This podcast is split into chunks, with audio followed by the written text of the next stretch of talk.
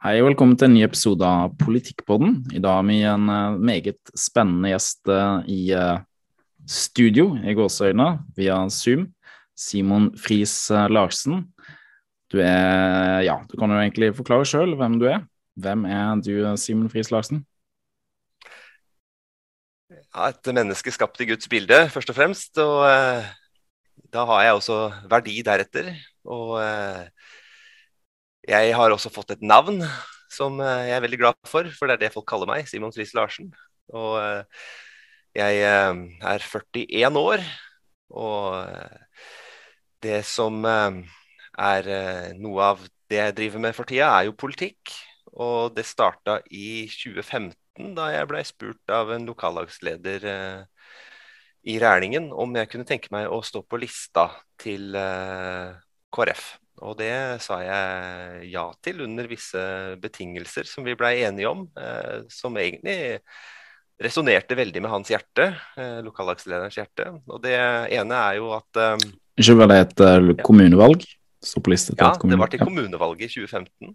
Mm. Så det ene var jo da at eh, og er jo at jeg skal da være en representant for innbyggerne i Rælingen. Og Det kan man være uavhengig av hvilket uh, parti man velges inn for. Så uh, en ombudsperson i så henseende.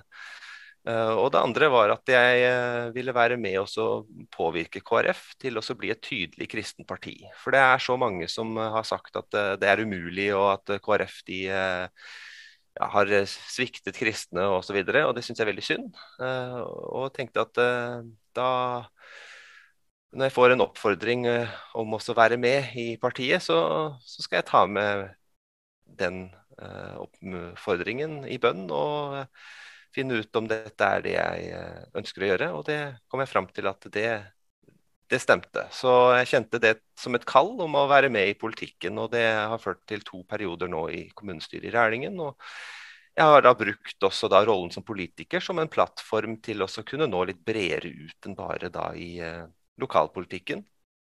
Og eh, spesielt da med tanke på den tida vi nå har vært i de siste par årene med tiltak og restriksjoner, politisk bestemte så, eh, sådanne, så um, har jeg sett om det er politikere som fremmer synspunkter som da kan nyansere bildet som vi hele tida får foran oss da, gjennom nyhetene. og det vi eh, samtaler om og ser.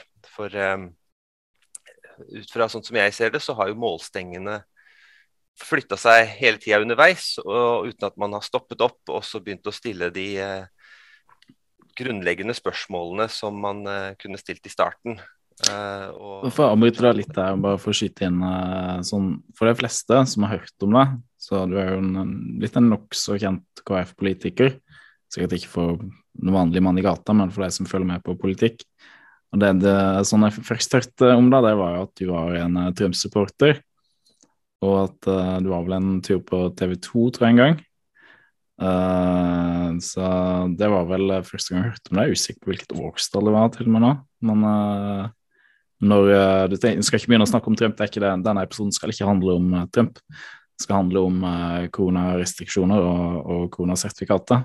Men eh, når var det du var på TV 2, hvis det stemmer? Og hvordan var den opplevelsen der med måtte bli uh, uh, hva skal jeg si, dytta fram i media som en, som en Trump-supporter innad i KrF, og til og med deres tidligere leder iallfall uh, indirekte tok avstand fra deg i en uh, tweet, tror jeg. Kanskje ikke direkte han nevnte det, men det virka som han iallfall indirekte svarte på hva skal jeg si, rabalderet rundt din støtte til Trump. Ja, Det var i forbindelse med presidentvalget nå da i 2020. Eh, hvor da Trump var da på gjenvalg, og eh, Joe Biden er, eh, da var demokratenes presidentkandidat. Og i den forbindelse så, så jo pressen etter en person som kunne da si noe om Donald Trump og hans politikk. og var da på utkikk etter en politiker som hadde synspunkter om det. Og eh, på Stortinget så var det jo ingen politikere som eh, hadde noen spesiell eh, argumentasjon for den veien som Trump ville ta USA videre. Og det var vel sikkert vanskelig nok å, å, finne noen i det hele tatt.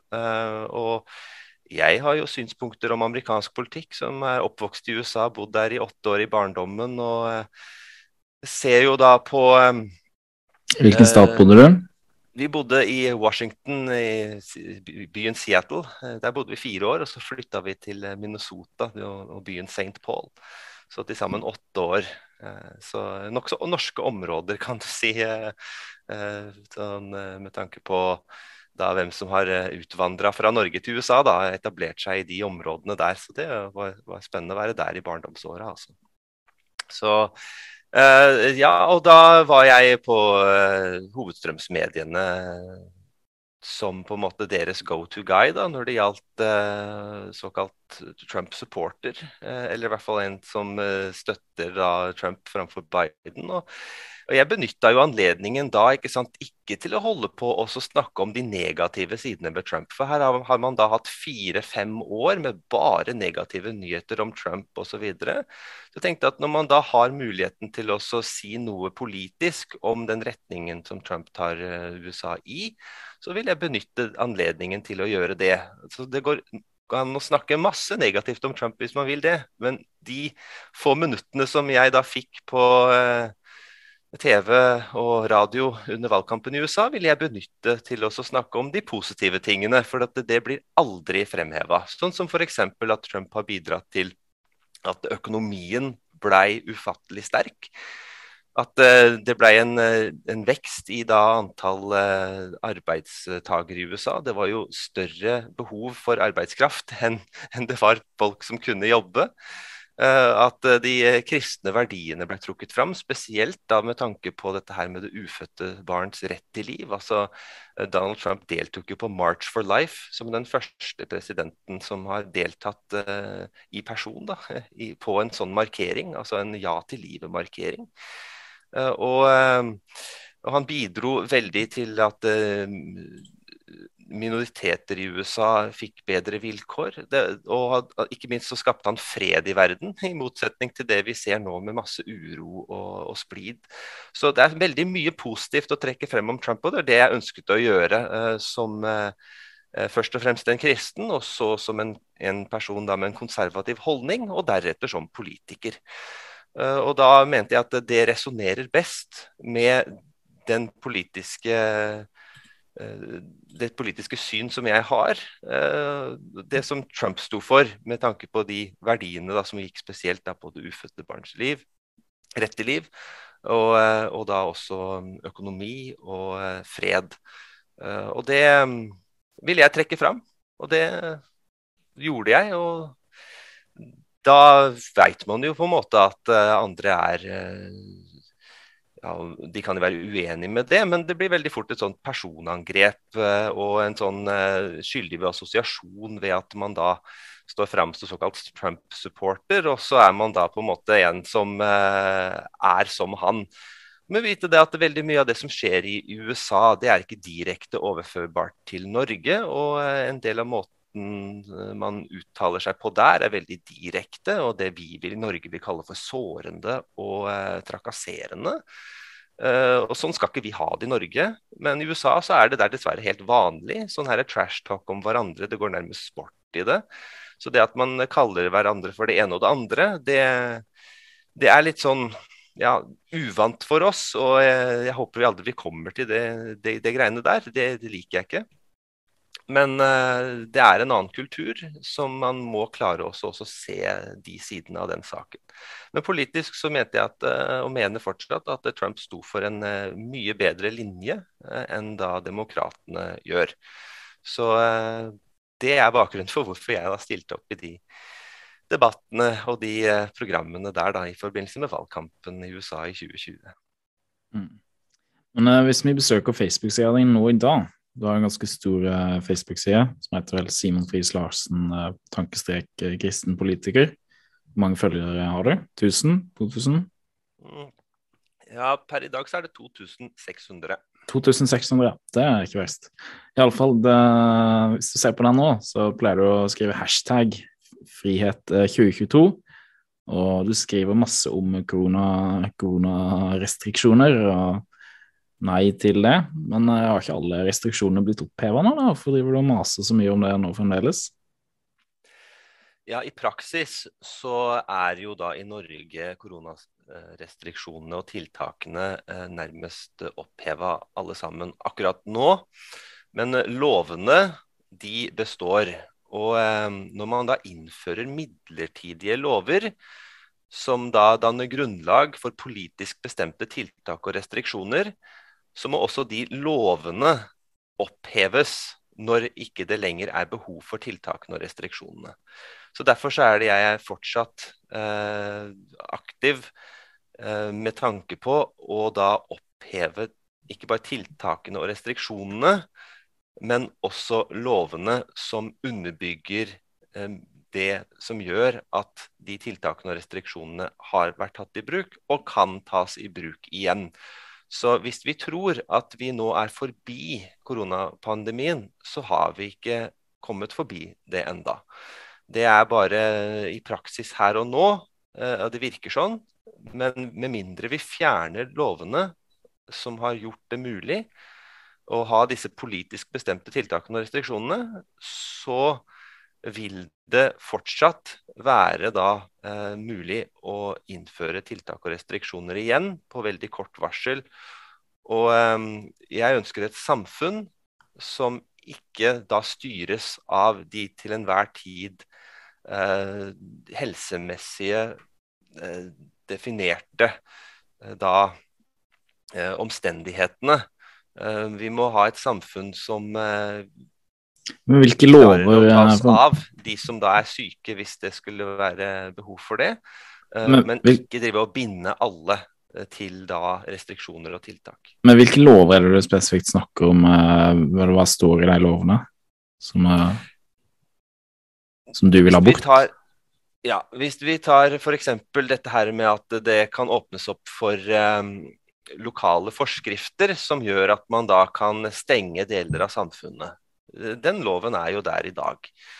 Eh, og eh, jeg sitter jo selv i kommunestyret i Rælingen, og veldig tidlig i pandemien så overførte vi da eh, myndigheten til å da forvalte disse her forskriftene våre til formannskapet. Og jeg er ikke med i formannskapet, men ingen hadde sett for seg at dette her kom til å vare i over to år. Eh, så, eh, så, fort da formannskapet fikk eh, Klager, jeg tror mange, inkludert meg selv, ikke har så god peiling på sånne termer i lokalpolitikken. Men formannskapet det er altså på en måte regjeringen til en kommune? Er det det? Ja, altså det, det, det, det de, de, de partiene som styrer? Den koalisjonen som styrer? Ja, altså, ikke, ikke, helt for et formannskap er jo da et, et utvalg av, uh, av, ordfører pluss da uh, kommunestyrerepresentanter som utgjør på en måte da den øverste politiske ledelsen. Men de innstiller til kommunestyret i de aller fleste saker. Så det er jo det, kommunestyret som er det høyeste politiske organet i en kommune. Men formannskapet de har jo da du si, øverste innstillingsmyndighet, eller de som da, eh, det som bestemmes i formannskapet, er gjerne det som også da blir vedtatt i kommunestyret. Men når man har delegert et ansvar fra kommunestyret til formannskapet, så er det formannskapet alene som da sitter med bestemmelsesretten eh, og, og, og, fatter vedtak, uten at det da trenger å gå til kommunestyret for endelig godkjenning. Og Formannskapet de treffes jo oftere enn kommunestyret. Kommunestyret treffes alt fra ja Det spørs hvilken kommune man bor i, men de treffes jo alt fra annenhver uke til uh, hver sjette uke. altså Litt forskjellig. Mens formannskapet treffes jo gjerne ukentlig for sine møter. Så, så det er mye oftere møter der. Og, og under pandemien så, så, har jo da formannskapet da innkalt til um, Eh, ekstraordinære formannskapsmøter eh, hyppig ikke sant, i forbindelse med da, eh, smittevernsituasjon og da justeringer da, av lokale forskrifter med, med, tanke på smitteverntiltak. Så, så, jeg var jo da med, med på å, i kommunestyret å enstemmig stemme for at formannskapet skulle da få myndigheten til å da forvalte da forskriftene for smittevern i kommunen.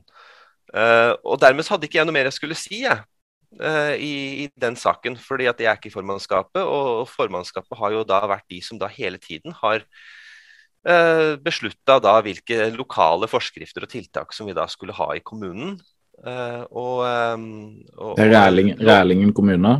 I, i Rælingen, ja. Ja. og, og, dette her er jo da gjenspeil, dette gjenspeiler seg jo da i de aller fleste kommuner i Norge. Så har det vært sånn da at at det har vært av formannskap som, eh, som da har fått eh, delegert den myndigheten til å fatte vedtak i de lokale forskriftene vedrørende smitteverntiltak.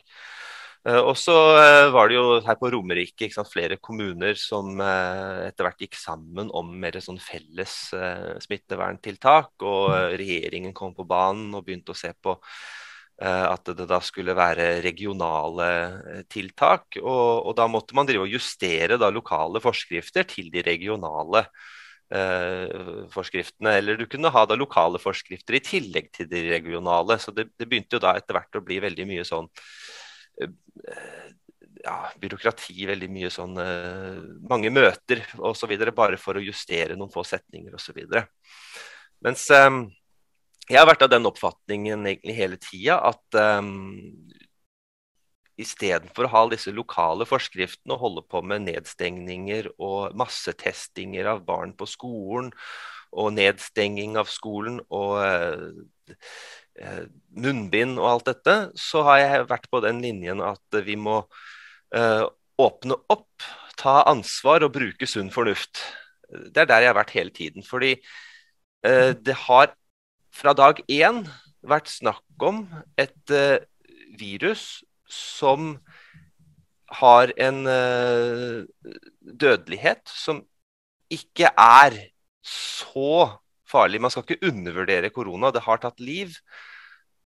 Og det, det er jo tragisk. Og, og eh, det, tiltak og restriksjoner har nok hatt en, en viss effekt.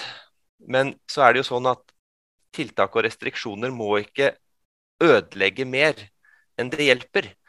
Og det ser vi jo nå, at man begynner å stille spørsmål ved om ikke tiltakene og restriksjonene har gjort mer ugagn enn nytte. Uh, og, uh, det som jeg syns er slående, er at, at, at, den årsaken til nedstengningen ble flytta på. Altså det første var for, det var for å flate ut kurven, det var for å lette byrden til sykehuset. Uh, det gir jo mening, altså at færre blir syke på samme tid, blir innlagt på samme tid, til å bli at vi skal slå ned hele pandemien, skal utrydde den. Et så urealistisk mål, som ble fortalt at vaksinen kom, den var 95% effektiv mot altså immuniserende.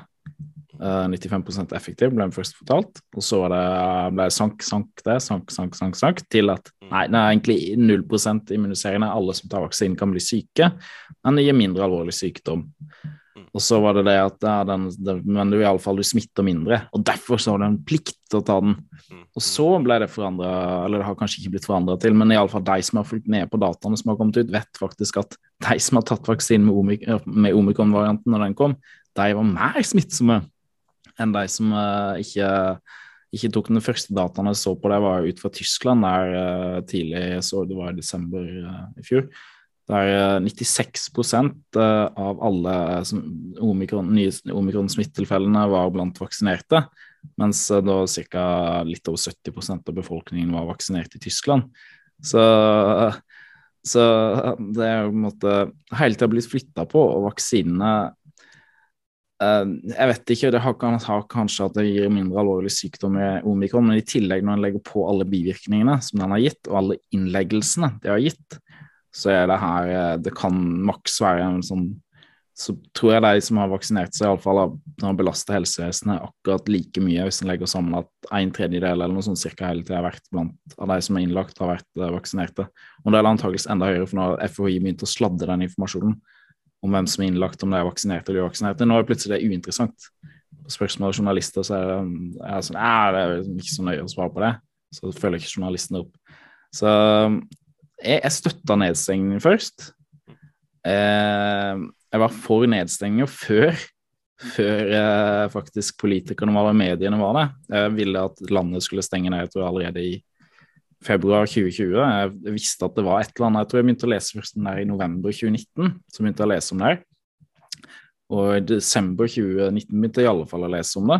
Jeg leste en del om det. og det, det Bent Høie, helseministeren den gang, holdt på med den gangen, det var at han løp rundt og prøvde å, å gi uh, mer gratis medisin til uh, Altså til folk som vil drive med, med, med fri sex, med, med, eller jeg vet ikke om fri sex, men iallfall uh, Det var vel snakk om sånn, uh, spesielle seksuelle sykdommer og sånn, eller hiv, mellom folk som har sex med, med samme kjønn.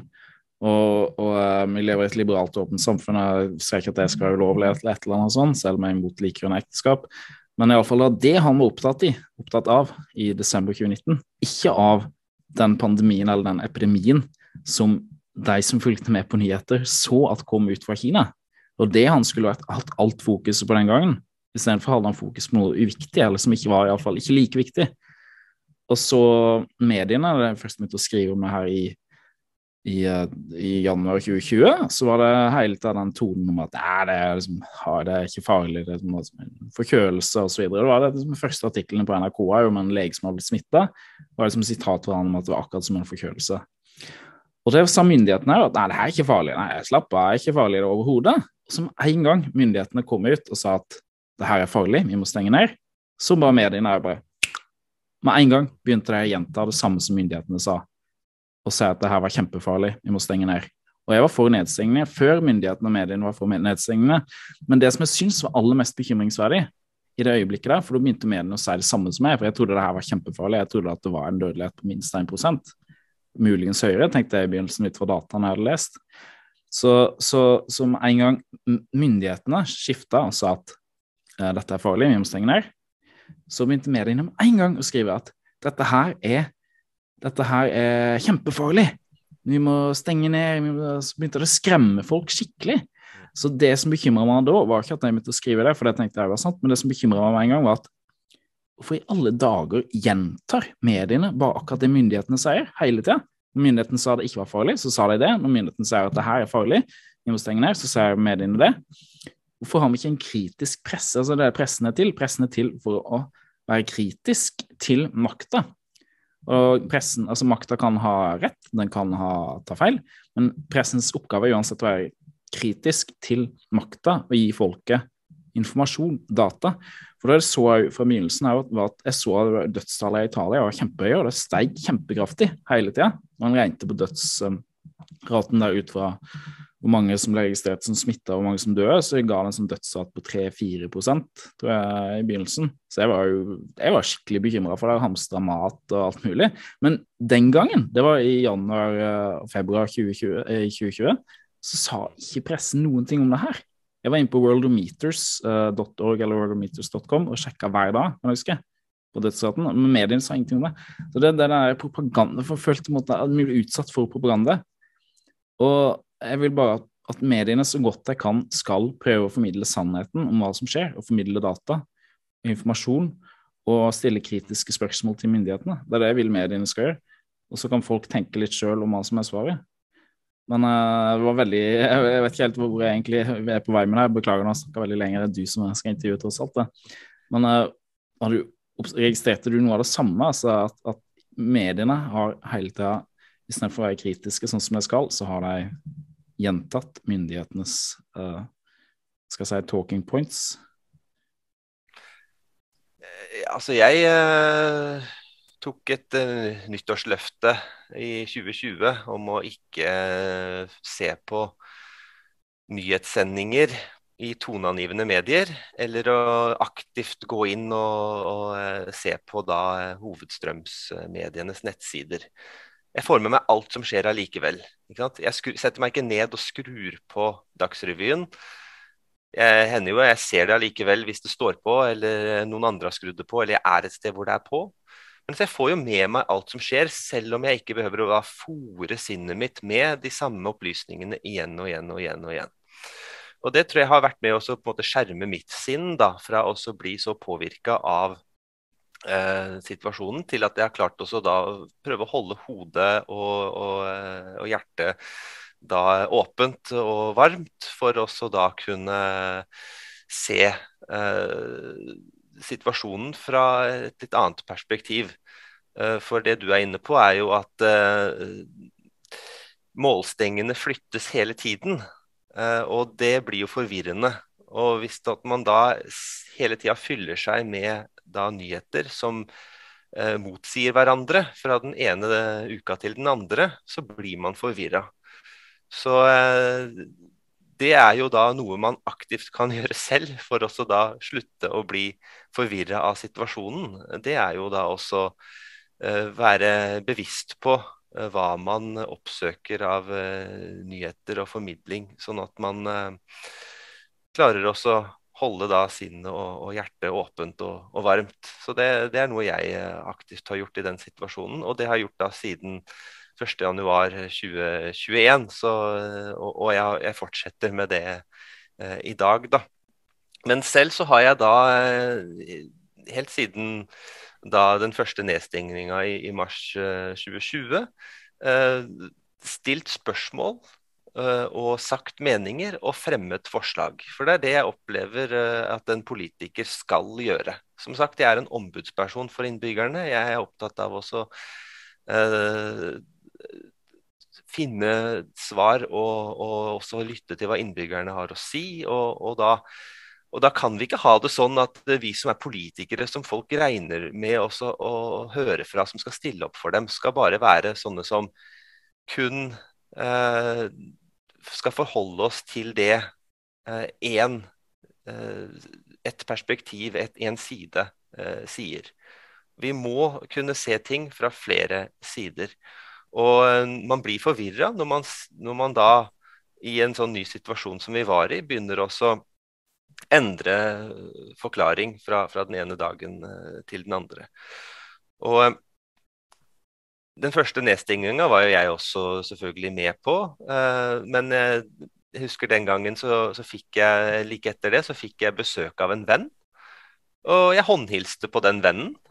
Og så la jeg ut en liten tekst på Facebook-sida mi at uh, i dag så håndhilste jeg på en venn. Det var hyggelig. Og så Det ble jo tatt screenshot av av Vårt Land, og så ble jo det da liksom førstesidestoff i Vårt Land. liksom. Altså Lokalpolitiker Simon Friis Larsen bryter smittevernregler og oppfordrer andre til å håndhilse. Det var jo ikke det jeg gjorde i det hele tatt.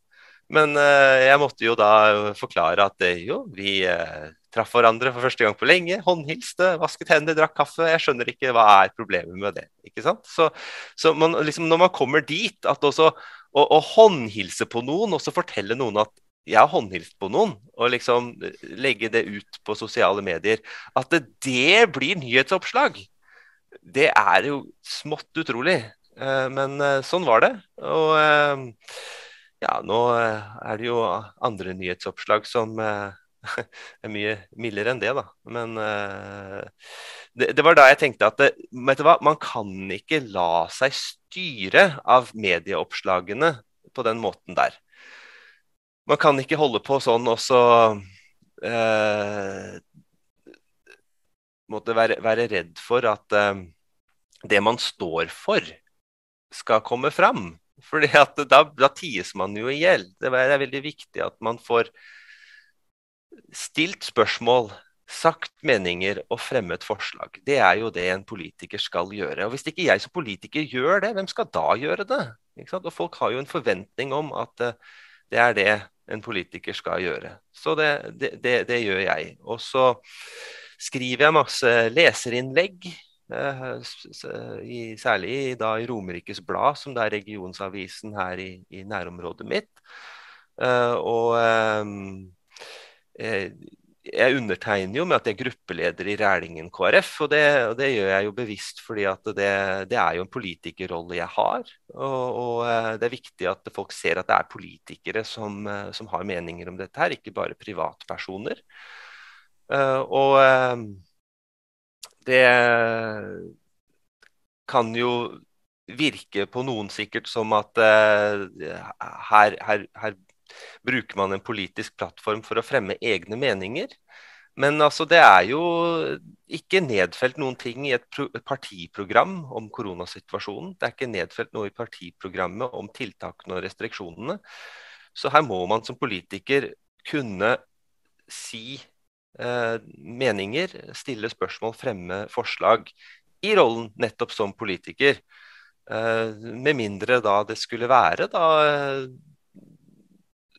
da programfesta noe om at det, dette er måten man, man, skal eh, fremstille dette på.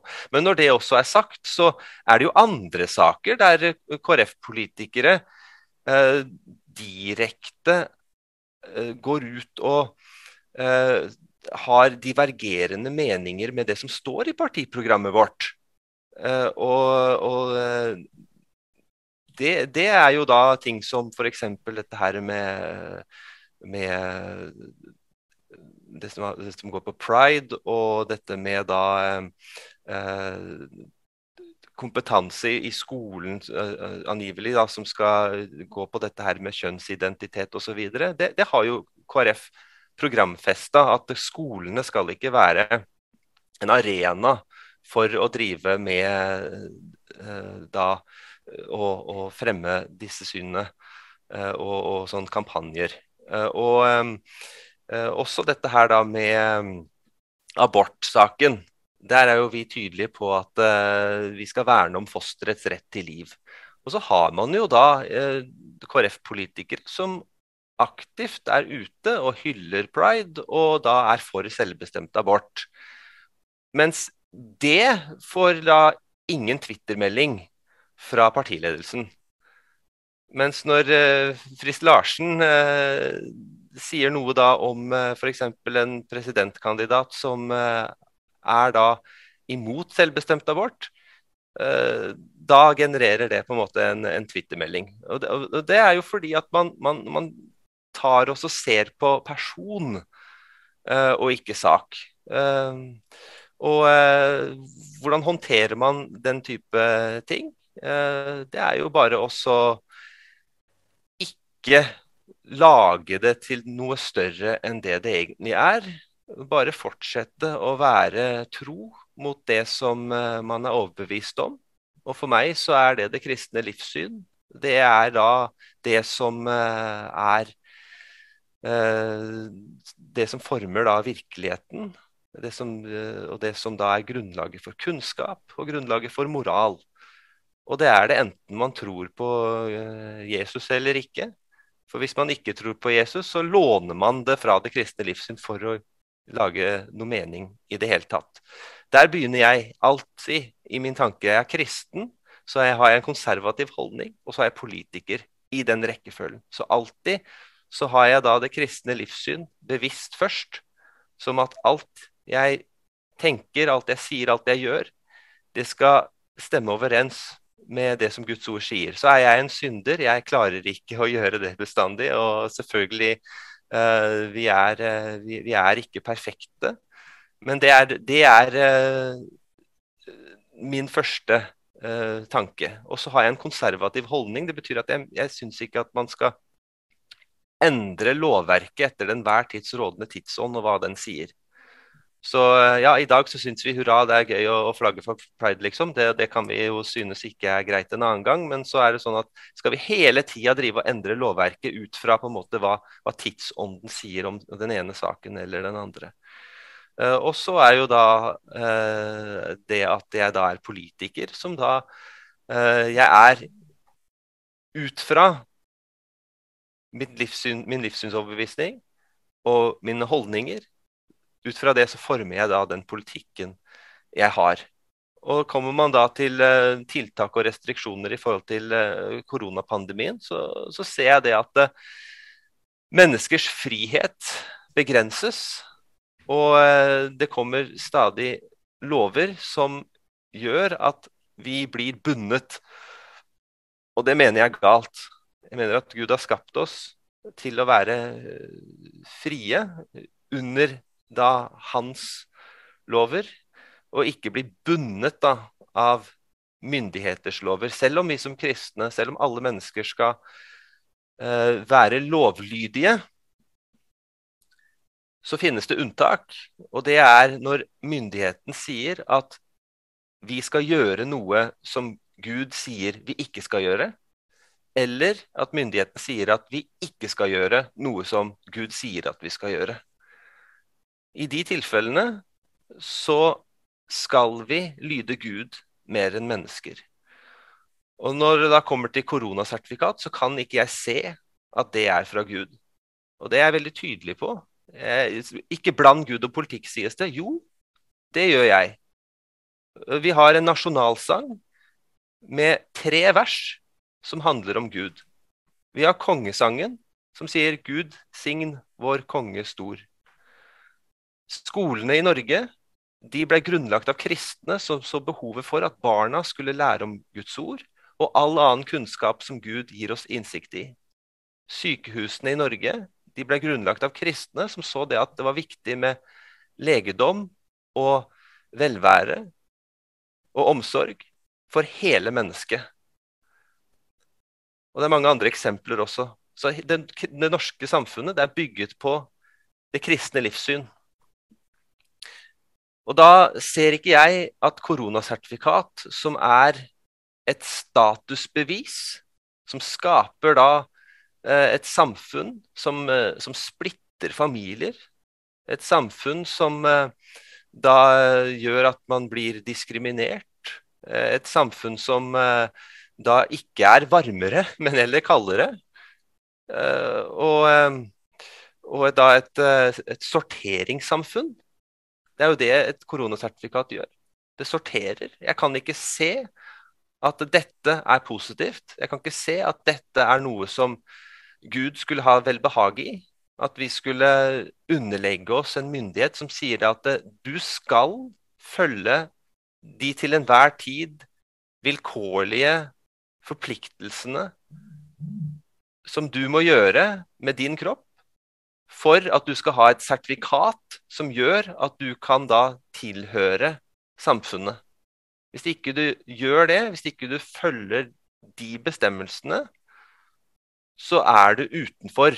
Og du har selv valgt det, sies det. Nei, det er ikke et valg man selv har tatt. Det er et valg som andre har tatt for deg. Og det mener jeg er galt. At man skal ikke eh, lage et samfunn hvor en farge på eh, en app på mobilen, eller en kode som du skal gå rundt og bære på, skal gi deg da definer, definisjonen på din verdi og din tilgang til samfunnstjenestene. Det kan vi ikke ha noe av. Derfor er jeg så sterkt imot at vi skal ha lovverk som skal innføre koronasertifikat. Det kan vi ikke ha. Um, men den loven her, den er loven om koronasertifikat, er den innført, eller er den, den ute på høring, eller hva er status nå? Hvor lenge skal den vare, osv.? Ja. Koronasertifikatet det er jo da en midlertidig lov, smittevernlovens 4a, som da gjør at den nå er uh, gyldig. Den er ikke tatt i praktisk bruk i Norge nå, innenlands. Den uh, må brukes i visse sammenhenger ved reise. Men uh, det som foreslås nå i, høringen som ligger ute med høringssvar 4.3, det er jo også da eh, omdefinere dette eh, eh, koronasertifikatet fra å da ha en, en smittevernsfunksjon til å da bli en beredskapsfunksjon. Så det, det, er ikke da lenger noe som skal knyttes direkte til dette med smittevern, men det skal knyttes til beredskap. At det skal kunne da tas i bruk Eh, ved behov. Men jeg ser ikke koronasertifikat som beredskap. Men det, det, folk som... kan sende inn høringssvar der, ikke sant? Ja. Da skal vi linke, du skal linke til det i videoen her, så folk kan sende inn høringssvar. Ja, og det er viktig at man gjør både som privatperson, at man gjør det med bedriften sin, at man gjør det med fagforeningen sin, at man gjør det med lokallaget sitt. Altså at man, man så bred som mulig sender inn høringssvar til dette her. Så er du i et politisk lokallag, uavhengig av hvilket parti det skulle være, send inn høringssvar. Er, har du en lokal bedrift, send inn høringssvar. Privatperson, send inn høringssvar. Det er veldig viktig at man, at man gjør det nå for å si tydelig fra om at man ikke vil ha koronasertifikatet. Men, men, den, men, den, loven som er nå, som er knytta opp mot smittevern om koronasertifikat, eh, den, er den loven uh har den en utløpsdato, eller er den permanent? Ja. Nei, den, den, skal jo utløpe nå til sommeren. Så det, det, som skjer nå, er jo det at man foreslår da loven eh, både forlenget, men også endret fram til da sommeren 2023. Så ett år til. Sommeren 2023. Ok, men det, det, her har jeg jo ut fra det jeg har forstått en sammenheng med EU og EU og EØS-regelverket. At det er det samme, altså at Norge, norske politikere egentlig bare øh, kopiere det regelverket som er der, og at vi òg, siden vi er med i EØS-avtalen, at vi er forplikta til å innføre det her. Uh, har jeg oppfattet det feil, eller er det, stemmer det? At vi er forplikta i kraft av EØS-avtalen? Jeg har flere ganger henvendt meg til FHI uh, og, og, og, stilt spørsmål rundt dette med koronasertifikatet og gyldigheten av det osv. Og, så videre, og henvist til forskning, og spesielt da det som går på naturlig immunitet. Uh, hvorfor ikke naturlig immunitet gir uh, på en måte koronasertifikat på livstid, mens man uh, da hele tiden må, må da oppfylle de til enhver tid gjeldende vilkår for å få dette gyldig på, på andre måter. og, og um, det jeg får til svar eller Først og fremst får jeg ikke svar, men en sjelden gang så har jeg fått svar. Og da er det nettopp det du viser til, at at det henvises til, til hva EU sier og hva EU bestemmer. Så tenker jeg at hvorfor gjør vi det? Vi er ikke med i EU. Ja, men vi trenger koronasertifikat uh, hvis vi skal reise. Ja, men det er noe helt annet. Og Hvorfor kan ikke heller Norge da være fyrtårnet for resten av verden og Europa og si at vi skal ikke ha koronasertifikat, vi. Dere må følge vårt eksempel, istedenfor at vi skal følge da de til enhver tid byråkratiske reglene som EU bestemmer. At her har jo vi en mulighet til å ikke bare være fredsnasjonen Norge, for vi er jo kjent for å være en fredsnasjon. Men vi kan også være frihetsnasjonen Norge. Vi kan vise det at i Norge har vi frihet. Vi har ikke dette koronasertifikatet verken i praksis eller i vårt lovverk. Og nå sier vi til resten av verden følg vårt eksempel. Og, og opphev da denne loven, og ikke drive og videreføre dette her. For som sagt, jeg, jeg ser ikke dette her som, et, som noe som har med beredskap å gjøre, men et redskap og det er et redskap som splitter familier. Det er et redskap som def skal definere menneskets verdi ut fra en vilkårlig status. Og det er et uh, redskap som gjør at vi mister friheten vår. Altså frihet opphører i det øyeblikket koronasertifikat innføres. For da blir absolutt alle bundet til passet. Da skal man gå rundt og vise denne her koden i ulike sammenhenger. Enten du skal på bussen eller på kino eller hva nå enn som blir bestemt, så blir du bundet til dette passet. Man kan tro at man er fri, men det er selvbedrag. Man er ikke fri så lenge man er bundet til et statusbevis. Da er man ikke fri. Så En ting er jo da at folk uh, tror at, uh, at det er bare de to vaksinedosene du må ta, og så er du, da er du fullvaksinert, og da vil du få det passet. Men uh, altså hvis det, nå virker det som at ting blir oppheva, og at ting kommer fram i lyset, og at uh, faktisk ting går riktig retning i verden med det her. Men, uh, men, men, hvis ikke det gjør det, så ser vi jo for eksempel fra Israel om at først er det to vaksinedoser, så nei, da du får sletta gyldigheten av det koronapasset. Så må du ha tre doser, og så vet ikke om det kommer opp i fjerde dose, men iallfall at også. Ja, at du, det, det blir ikke det, det er bare den de to dosene du må ta. Du må ta flere. Og det er store bivirkninger ved de her vaksinene. Det er farlig. Så du tror kanskje mange som tror at det er konspirasjonsteorier, men det er bare å lese Legemiddelverket sine egne rapporter om det her, at det er nå oppe i 5000 ja, tror 400 alvorlige bivirkninger og over 50 000 innmeldte bivirkninger. Det er bare gått gjennom halvparten, eller muligens 30 eh, 000. Litt over halvparten. Um, av de bivirkningene, så jeg de ikke hva som er det andre gang, så det kan være godt være enda flere alvorlige bivirkninger. Og 200, 254 døde, tror jeg. Det er offisiell statistikk fra FHI, så det er ikke sånn at det her er uten risiko heller. Og det å presse folk, sånn som har skjedd nå, presse folk til å ta en medisin som innebærer risiko, det er ikke bare absurd, men det er ondskapsfullt. Veldig, veldig ondskapsfullt. Mm. Jeg er sjøl uvaksinert. Uh, uvaksinert, for det er ikke en skikkelig vaksine. Så, og det har opplevd en del press og litt ubehageligheter på grunn av det. Og det går helt fint for meg, for jeg, jeg, tåler det veldig fint. Og liker å diskutere og tåler at uh, krangling og sånne ting som det, så det går helt fint for meg. Som jeg har et sinnlag som er konstruert på den måten. Men uh, andre folk kan synes at det er bare ubehagelig det at de sitter i et rom, og folk snakker på en måte som at ja, vi er jo alle vaksinerte, og de som ikke er vaksinerte, de er jo skikkelig dumme i hodet osv. Hvis bare folk opplever det at de sitter der og hører på den samtalen, så kan mange folk synes at det er utrolig ubehagelig å bare oppleve det som, er, som et press til at de må ta, ta den vaksinen sjøl. Så når det, til, når det, kommer til akkurat det der med, med vaksinen, da, for uh, jeg har aldri vært imot vaksinene. Uh, det eneste jeg er imot, det er at disse vaksinene skal gis en generell anbefaling om til barn. For barn har ikke et reelt medisinsk behov for disse vaksinene. Så når det gjelder barn, så er jeg imot at de skal få disse vaksinene. Men når det gjelder da øvrig befolkning, så mener jeg at det må jo kunne være opp til den enkelte av oss. De, som, de, av oss som ønsker å ta vaksiner, kan gjerne ta vaksiner. Men ingen skal diskrimineres eller forskjellsbehandles basert på valg og personlige helseopplysninger. Det er det jeg har sagt hele tiden.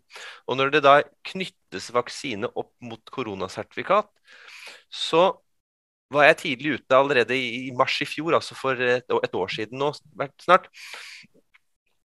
Når dette her med vaksinepass ble nevnt første gangen. For det var jo før man i det hele tatt begynte å se på koronasertifikat som sådan.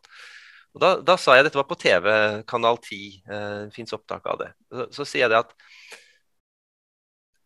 når man tar en vaksine, så er det for den beskyttelsen som den vaksinen kan gi.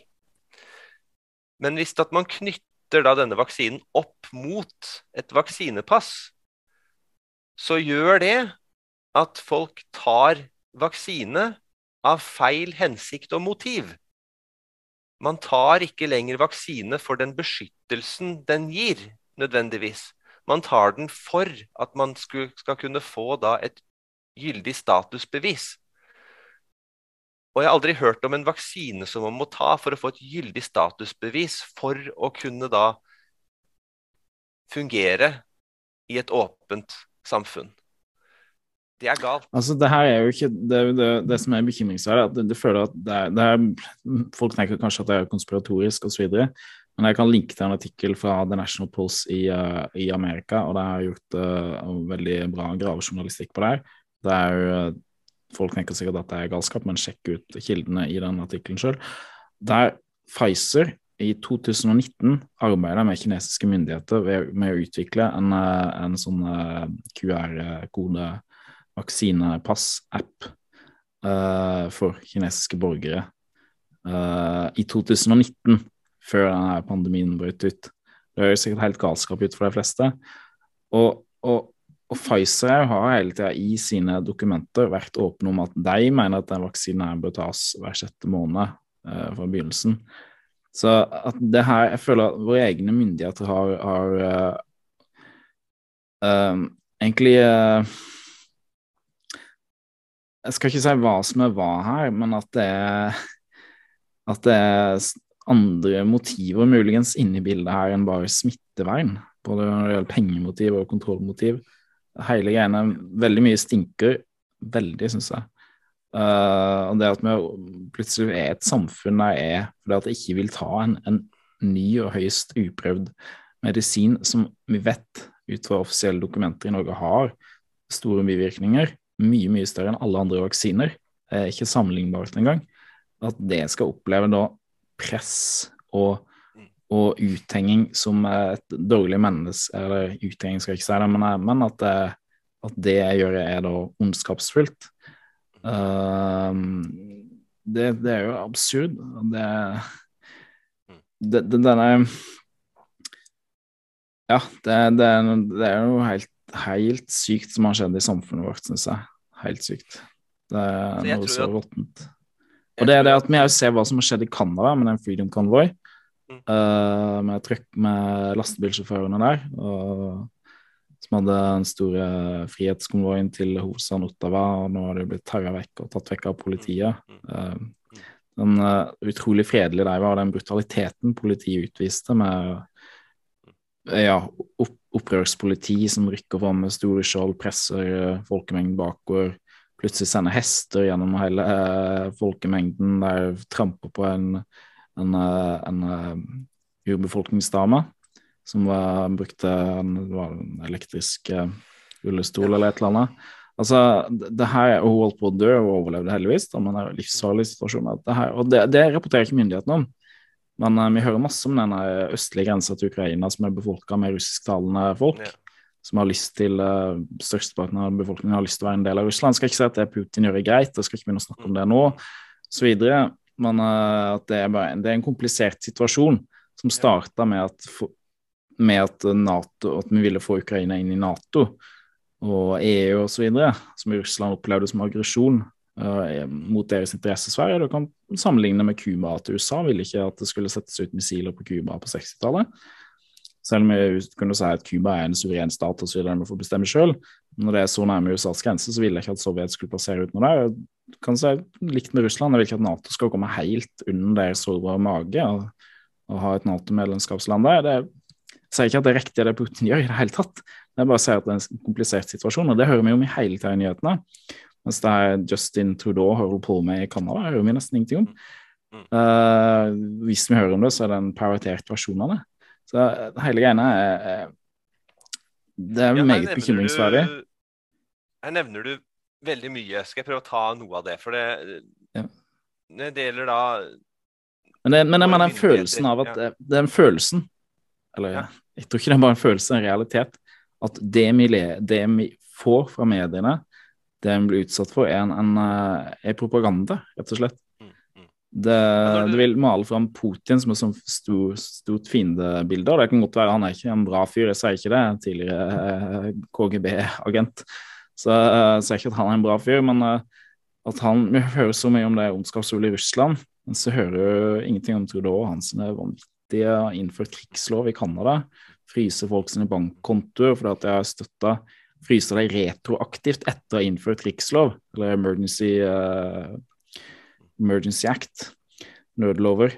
Så er folk som har gitt penger til, uh, til uh, de truckerne, det er jo helt vilt. Det er jo det burde bekymre oss mer for det enn Ukrainas østlige grense, syns jeg, da. Mulig jeg tar feil. Jeg får ta og begynne bakfra, holdt på å si det du sa det siste først. Eh, altså, eh, altså det, det, her med Ja, vi, vi, vi ser mye til, til, Russland og Ukraina nå, og det har vi jo grunn til. Dette ligger jo nærme oss, og det kan jo da dra oss inn i en konflikt. ikke sant? Så det, det skjønner jeg at vi har stor oppmerksomhet om nå. men så sammenligner du da hvordan man skal se på medias rolle, og da med tanke på det som skjer i, i Canada også. Eh, og, og, da kanskje manglende eh, kritikk eller en manglende oppmerksomhet fra da våre myndigheter på da eh. For eh, her tenker jeg, og dette blir, dette blir litt spekulasjon, så bare, det, bare så det er sagt, og, og, og mine meninger. Men men Canada er jo en av våre allierte. Og, og, da blir det litt sånn som søsken på en måte beskytter hverandre når det skjer noe som kanskje, kanskje den ene har gjort et overtramp eller noe, og så, og så den andre søsken da prøver å beskytte da søstera eller broren sin eh, for, for, kritikk fra andre. Eh, og det er litt sånn med allierte at der, der er man kanskje mer beskyttende og forsøker bare å liksom ikke, ikke ha noe oppmerksomhet på det, uh, dessverre. Uh, mens Russland som jo da Det burde være motsatt, da, at de er en del av vår, den samme kulturelle sfære som oss. Altså, kan du si Russland ligger nærmere med grense til det, men det er ikke akkurat Det er en, en måte et slags uh, semi-vestlig land. Men, men Canada er et vestlig land. De er mer like oss kulturelt. Jeg tenker at Når de er mer like oss kulturelt og tilhører samme sivilisasjon, samme sfære, kulturelle sfære, så bør vi være mer kritiske til deg, faktisk. da. For Når vi ser at ting går galt innad i vår egen sivilisasjon, så bør vi kritisere det mer enn utenfor vår sivilisasjon. Vi vil bevare vår sivilisasjon, tenker jeg. og Frihet er en del av det. Frihet til å kunne protestere mot uh, vaksinepåbud for, uh, for, lastebilsjåfører og andre ting. Da. Så ja. Ja, altså skulle, skulle, vi ha kritisert Canada voldsomt nå, så vi ville jo det gitt et bilde av at måte vi har jo da in, interne splidigheter i uh, vår egen allianse. og det Drar man da liksom plutselig Russland inn i dette her også, så vil jo de da se at oi, de har nok med å ødelegge seg selv, disse her uh, vestlige landene. Så, så da, da kan jo de gjøre storinnrykk, på en måte, fordi at de, de ser jo det at uh, Vesten uh, har nok med sine egne problemer, da. Men med dette tror jeg på en måte at uh, de ser uansett. Uh, for, for, det er som du sier, altså, altså folket reiser seg jo imot det som, det, som, skjer. De, I hvert fall store deler av folket gjør det. Og så har jo det vist seg å få konsekvenser ved at de får bankkontoene sine sperra, og de, de da ja, blir arrestert osv. Det, det har jo Så lenge jeg har levd, kan ikke jeg huske at det har skjedd i, i, i et vestlig land. Altså. Det, det, det, er helt utrolig det som, som skjer i, i Canada. Og også at det da ikke er noe fokus på det. Som da retter noe annet blikk på det enn da det som eh, man da kan få gjennom de som da formidler det gjennom gjennom eh, mainstream media. da. Tok f.eks. Eh, den scenen som du beskrev der med disse hestene som kom og red inn og i, foran disse demonstrantene. altså de her, her, sies det ikke sant, at demonstrantene har eh, agitert eh, til vold og så kastet en sykkel og at de rykket fram mot politiet. Mens når du da ser videoen opptak fra, fra det, det, som faktisk skjedde der, så ser du at politiet står der, og så plutselig rykker politiet tilbake eh, to-tre meter, så det blir en stor glippe mellom da demonstrantene og politiet. Demonstrantene rykker ikke fram, de blir stående der de, der de er. Og så kommer da hestene ridende inn foran politiet, mellom da demonstrantene og politiet. Og så eh, snubler da hesten i en sånn rullator, og så er det en person i folkemengden som detter over ende, og så tråkker denne hesten da på den personen og, og, og, og, en til. Og så driver man og sier det at dette her var en sykkel som ble kasta og skremte hestene, når du ser tydelig fra bildene at det er jo ikke det det er. Så, så det er jo da um, en fremstilling av virkeligheten som vi får i uh, hovedstrømsmedia sånn sett, som da ikke stemmer overens med det som man da kan se som vanlige folk har filma. Altså, har, har vi slutt sluttet å miste Altså har vi, har vi mistet evnen til å bruke sunn fornuft og stille spørsmål? Det, det, håper jeg virkelig vi ikke har gjort. Og at vi, eh, at vi skjønner det at dette her er ikke såkalte vaksinemotstandere. Dette her er folk som ser at to år med politisk bestemte tiltak og restriksjoner og koronasertifikat som skal tas i bruk for oss å kunne ja, oppholde seg i, i landet, nærmest, og, og, og ha, ha, bevegelse. Det demonstrerer de mot, og det, det, gjør de rettmessig. Og det var jo ikke lenger snakk om pandemi under de demonstrasjonene der. Det, det, det var jo ikke snakk om noe smitte, det var ikke snakk om noe pandemi, det var ikke snakk om noe syke folk, det var ikke snakk om noen smitte. Og når 90 av, av befolkningen i Canada eh, har da eh, tatt vaksiner, så må du jo regne med at 90% av de personene som deltok i disse demonstrasjonene, også var vaksinerte. De, de, de utgjør jo en, eh, eh, da en, en, stor del av befolkningen. Så det, det er fremstillinger som man ønsker også plassere folk da, i kategorier som, eh, som, de egentlig ikke hører eh, til i. Da, for også da kunne ta i bruk de maktmidlene da, som, eh, som da regjeringen der borte da klarte også å få vedtatt. Mm. Ja, det, det som bekymrer meg for at det, ser media reagerer på den måten, er at, at, at at det, det, samme Usannsynlig at det skjer med denne sykdommen nå, da, men med en annen sykdom som kan dukke opp at, eh, at uh, korona, altså et slags sertifikat kan dukke opp, og, og mediene bare vil uh, beskytte myndighetene gjør. Altså, det er jo det, et annet stort bekymringsfullt element med denne her med koronapandemien, er den, den harmoniseringen mellom myndigheter, medier, eh, sosiale medier og legemiddelgiganter. En harmonisering i såkalt messaging, da, som du kaller det på engelsk, da, som har vært enorm. Uh, der Facebook hele tida har uh, stilt seg inn etter det som er på en måte rådende rådende Hva skal jeg si uh, Vitenen som det som myndighetene står for, og uh, legemiddelgigantene står for. Og at jeg har, føler at jeg har, har, et behov til å faktasjekke folk hele tida. Ting som har vist seg å være feil i etterkant. Og advare folk mot det mm. folk poster, med å mm. klistre en merkelapp under. Uh, det, det, er mange som tenker at det her er uavhengige faktasjekker osv. Altså, det er jo ofte uavhengige på papiret. Men det innrømte jo det, en, en, kanskje en pågående rettssak i USA, jeg vet ikke hva utfallet ble av den, der Facebook sjøl skrev i forsvaret sitt at uh, det var uh, 'protected opinion', de faktasjekkerne. Så altså mm. beskytta meninger. Så jeg skal ikke tro at de faktasjekkerne sitter med fasiten i det overhodet. Um, men uh, nå virker det som at ting går riktig vei. Uh, virker som at når i England så er jo alt blitt oppheva. Uh, det, ja, det er fortsatt lov om koronasertifikat som er mulig for private bedrifter å benytte seg av.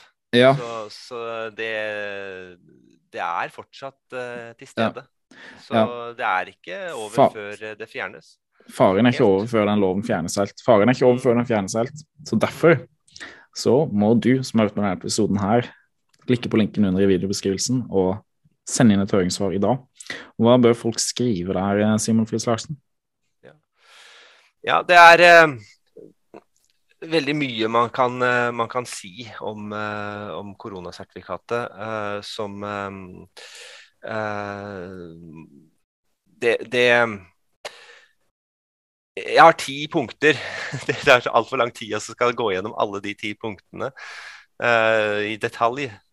Men uh, det utdypes på en, uh, en, nettside som jeg kan det er også sende deg som du kanskje kan legge i uh, uh, ut sammen med podkasten. Ja, ja, vi kan linke til det. Så kan du bare ja. nevne de punktene fort. Bare lese det opp. Uh, ja, punkt én, altså koronasertifikat, det bryter med det grunnleggende livssyn som vi i Norge henter våre verdier og vårt menneskesyn fra. Det er jo sånn at uh, vi har jo solide lover, og de er bygga på uh, det kristne livssyn, og vi henter våre verdier og vårt menneskesyn derfra.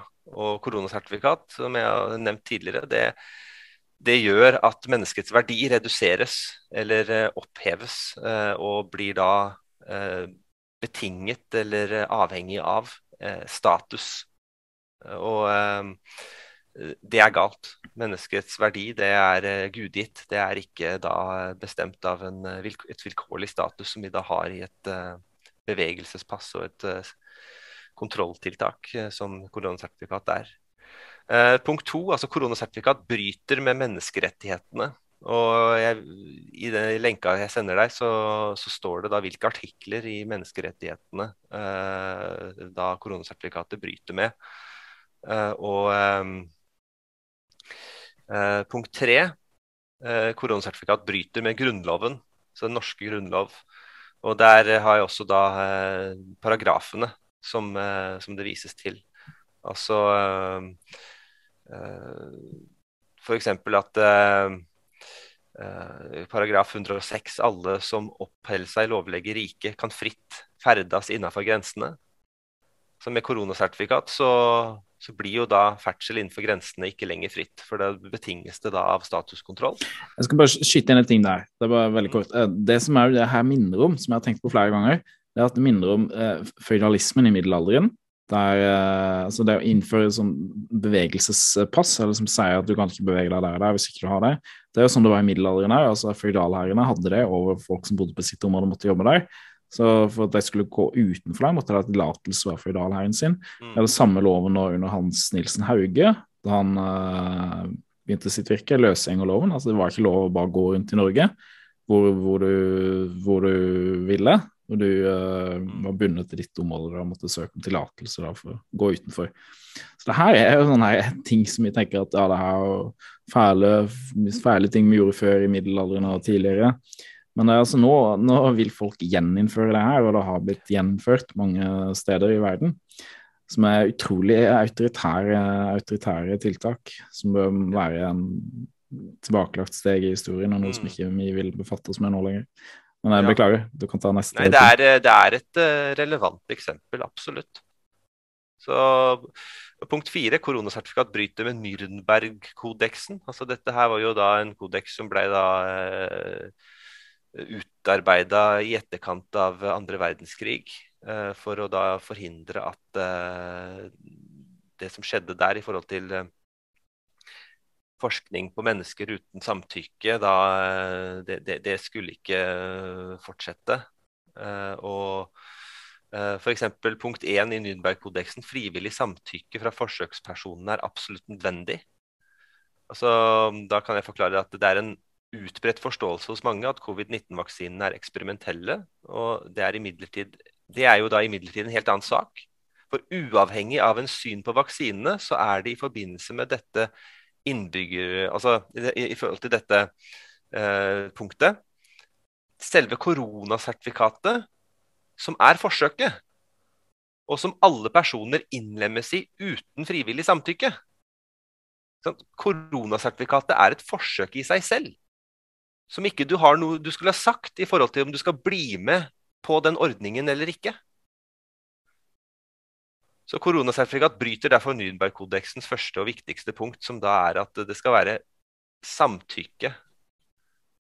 Jeg samtykker ikke til at vi skal ta i bruk koronasertifikat. Hvorfor skal jeg da innlemmes i den ordningen mot min vilje? Og Det samme gjelder jo da absolutt alle. Vi blir innlemma i dette uten at vi har noe vi skulle sagt i det. Derfor er det fryktelig viktig at vi nå benytter anledningen til å si fra i dette høringssvaret om, om dette her. Og eh, Punkt fem, koronasertifikat, det er udemokratisk.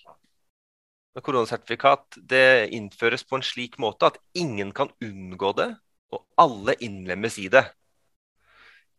Det foreligger ikke noe valg koronasertifikat kan potensielt også medføre at det forutsettes for deltakelse på formelle samlinger, hvilket betyr at personer som er imot koronasertifikat, ikke kan uttrykke sine meninger i formelle sammenhenger, eller utøve sine politiske verv, enten det gjelder flertallet eller mindretallet, uten at personene først implisitt legitimerer koronasertifikatet som personene er grunnleggende imot.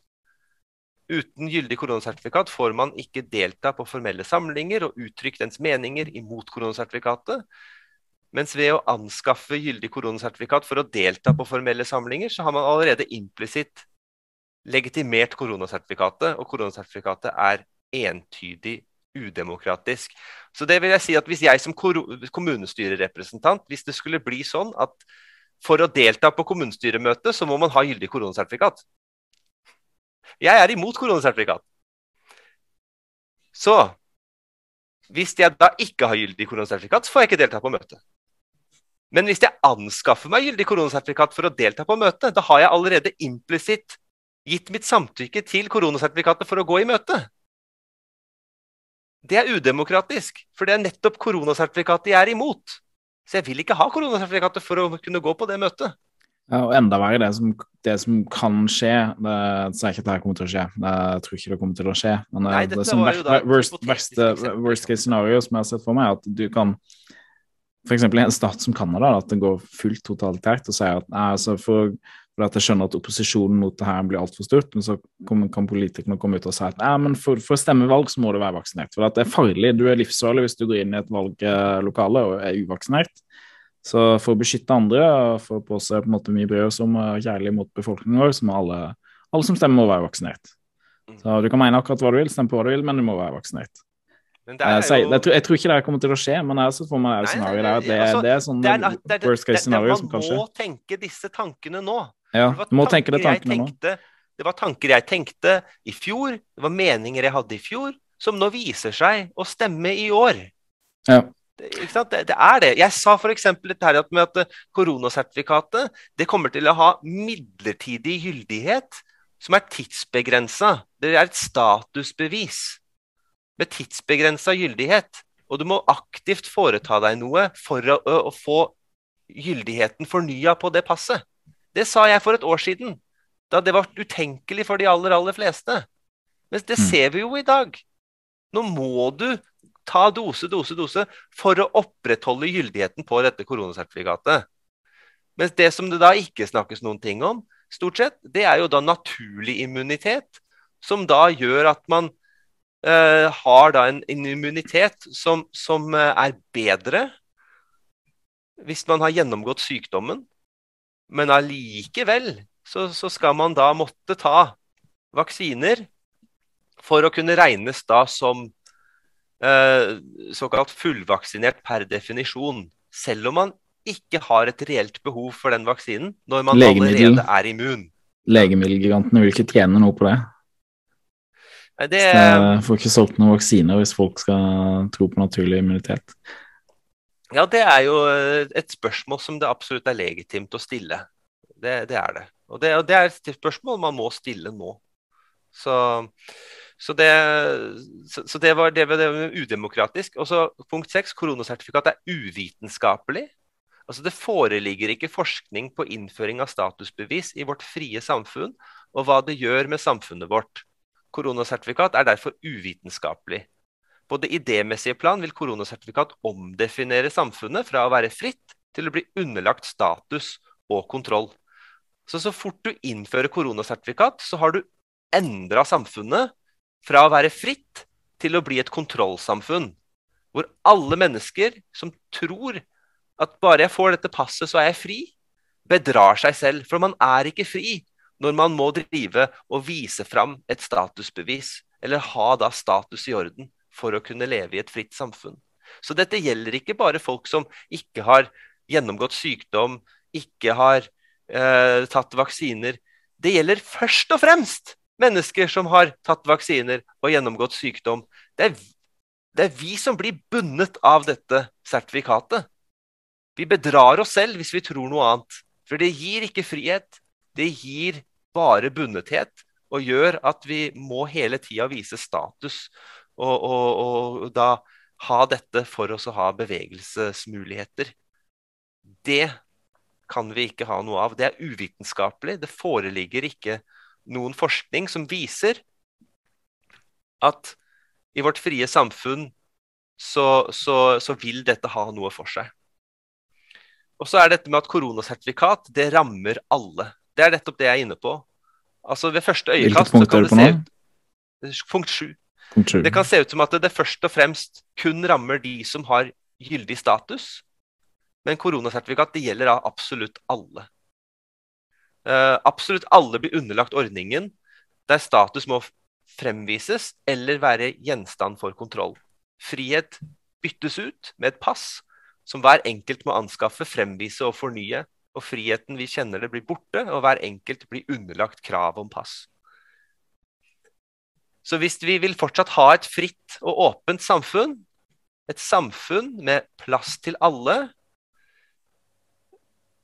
et samfunn der vi står sammen for menneskeverd, da må vi være imot koronasertifikat. Vi kan ikke si at vi er for koronasertifikat, og samtidig at vi ønsker et samfunn med plass til alle. Det, det motsier hverandre. Og Det også eh, er noe av hjertet i dette her, som jeg som politiker uh, har. Og også i forhold til uh, da det politiske partiet jeg står i også. et varmere samfunn med plass til alle, sammen for menneskeverd. Med koronasertifikat så mister man alt det. Koronasertifikat det skaper da et uh, sorteringssamfunn, og jeg er imot et sorteringssamfunn.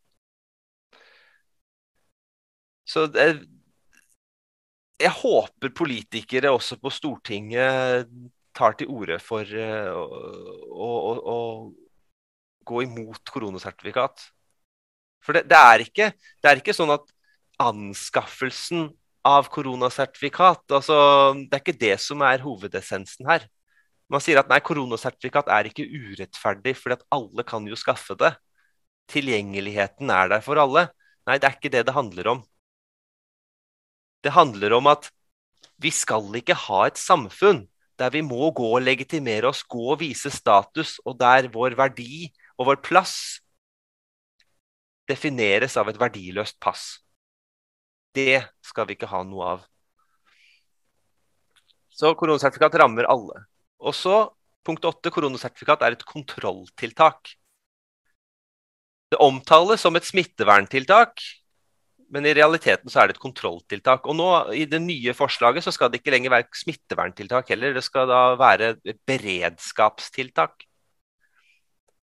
Så personer blir avkrevd for status, eller er gjenstand for å bli kontrollert for status. Og har vi tatt vaksiner for at vi skal bli underlagt et kontrollsystem? Spør deg selv det spørsmålet. De av oss som har tatt vaksiner, tok vi vaksiner fordi at vi ønsket et kontrollsystem der vi kan gå oss og fremvise vår status i ulike sammenhenger? Jeg tror ikke vi gjorde det, altså. Det er veldig mange som har tatt vaksinen, som jeg kjenner, som ikke har tatt den fordi at de har vært bekymra for å få korona, men fordi at de har opplevd sosialt press.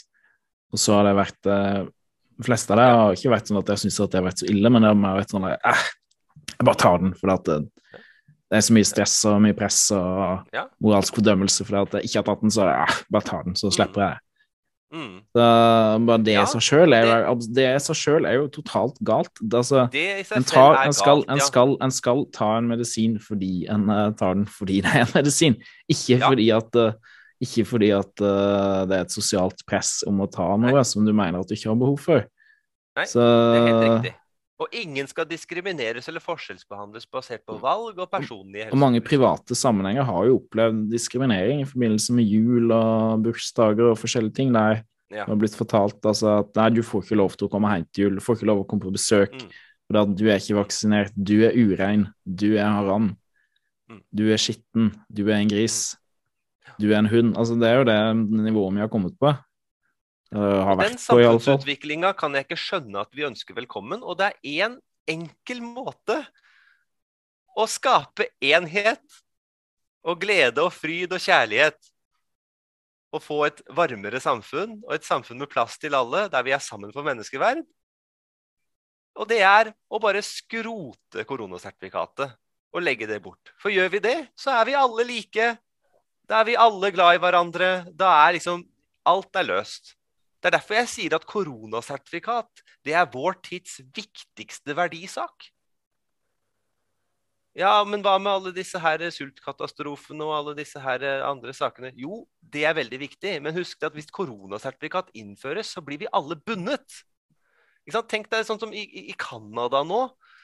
Har du gitt penger til Freedom Convoy, så står det i fare for at bankkontoen din kan bli sperra. Og, og, det var lovlig på den tida du gjorde det, så var det lov. Ja, men, men, men, etter krigsloven ble, krigsloven ble, innført, så var det ikke lov lenger. Så altså, ikke bare, skal... ikke bare, altså, Det at det, den loven har blitt innført i seg sjøl, er absurd, men at den i tillegg da anvendes retroaktivt, ja. tilbakevendende kraft, det er jo enda mer absurd. Ja. Og du skal ikke se bort ifra at koronasertifikatet ditt blir, uh, blir da uh, fratatt deg heller. Tenk deg å, knytte, Hvis man knytter makt opp mot koronasertifikat, ikke bare medisin, så er det jo en situasjon hvor du, du, mister faktisk da altså Hvis du opponerer mot myndigheten, eller hvis du gir penger til Freedom Convoy f.eks., og du får kontoen din sperra, så ja, hvis det er unntakstilstand, krigslover, hva du vil kalle det, lovfesta at, at, det er beredskap Vi må hindre liksom, samfunnsutvikling i å gå i, i, det som da anses av den til enhver tid rådende myndighet som gal. Så kan man da frata de menneskene deres status, og da er de statusløse. Ja, nå, nå, tenker jeg høyt, men det gjorde jeg for et år siden nå. Det som jeg tenkte da, det viser seg å stemme i dag. Så la meg for all del ta feil. Kjære Gud. La meg ta feil om dette her, kjære Jesus. Jeg vil ikke ha rett i dette her. Men ser dere dette, folkens? At koronasertifikat det kan bli en, en begrensning for alle mennesker. Og, og, og gjøre det at selv om du har det gyldig, så kan det tas fra deg. Hvis du da gjør et eller annet som da myndigheten ikke liker, eller begår en eller annen handling, eller overfører penger til noen som du angivelig ikke skulle gjort. Et sånt samfunn kan vi ikke ha. Det er ikke fritt. En politikers viktigste oppgave, sånn som jeg ser det, det er jo å en, skal ikke si den viktigste, det er vanskelig, men en av de viktigste er å kunne forutse problemer som kan oppstå, og da handle for å, for å forhindre at de problemene vil oppstå. Så det er veldig bra at du har vært ute tidlig og advart mot det her. Det er en, en av politikernes eh, fremste oppgaver med det, er å forutse problemer og så handle aktivt for å forhindre at det skjer. Uh, for øvrig så ser jeg ofte det motsatte med politikere, at det stemmer for ting som de ikke skjønner, sånn som ACE-avtalen og sånn. De ikke skjønner hva, hvilke konsekvenser det kan få, og så, så er det etterpå obs. Det blir litt høye strømpriser, ja. Mm. Så vet jeg ikke hva det skal gjøre. Men uh, det er et, et, bipoeng. Ok. Uh, du, har, du har kommet til punkt ni nå? Ni nå, ja. ja. Koronasertifikat segregerer, og det er kanskje det mest opplagte. Det er jo det som kanskje folk blir hengt opp i. ikke sant? At det, det, det, det skiller på en måte de såkalte uvaksinerte fra de vaksinerte, liksom, og, og, og skaper en segregering. Og det, og er, stemmer. Det, gjør det. Jeg har forsøkt å løfte koronasertifikat høyere enn det og vise at dette rammer absolutt alle. Men, eh, men, ja, koronasertifikat det, det, det, det, segregerer og forskjellsbehandler. Det gjør det, basert på status.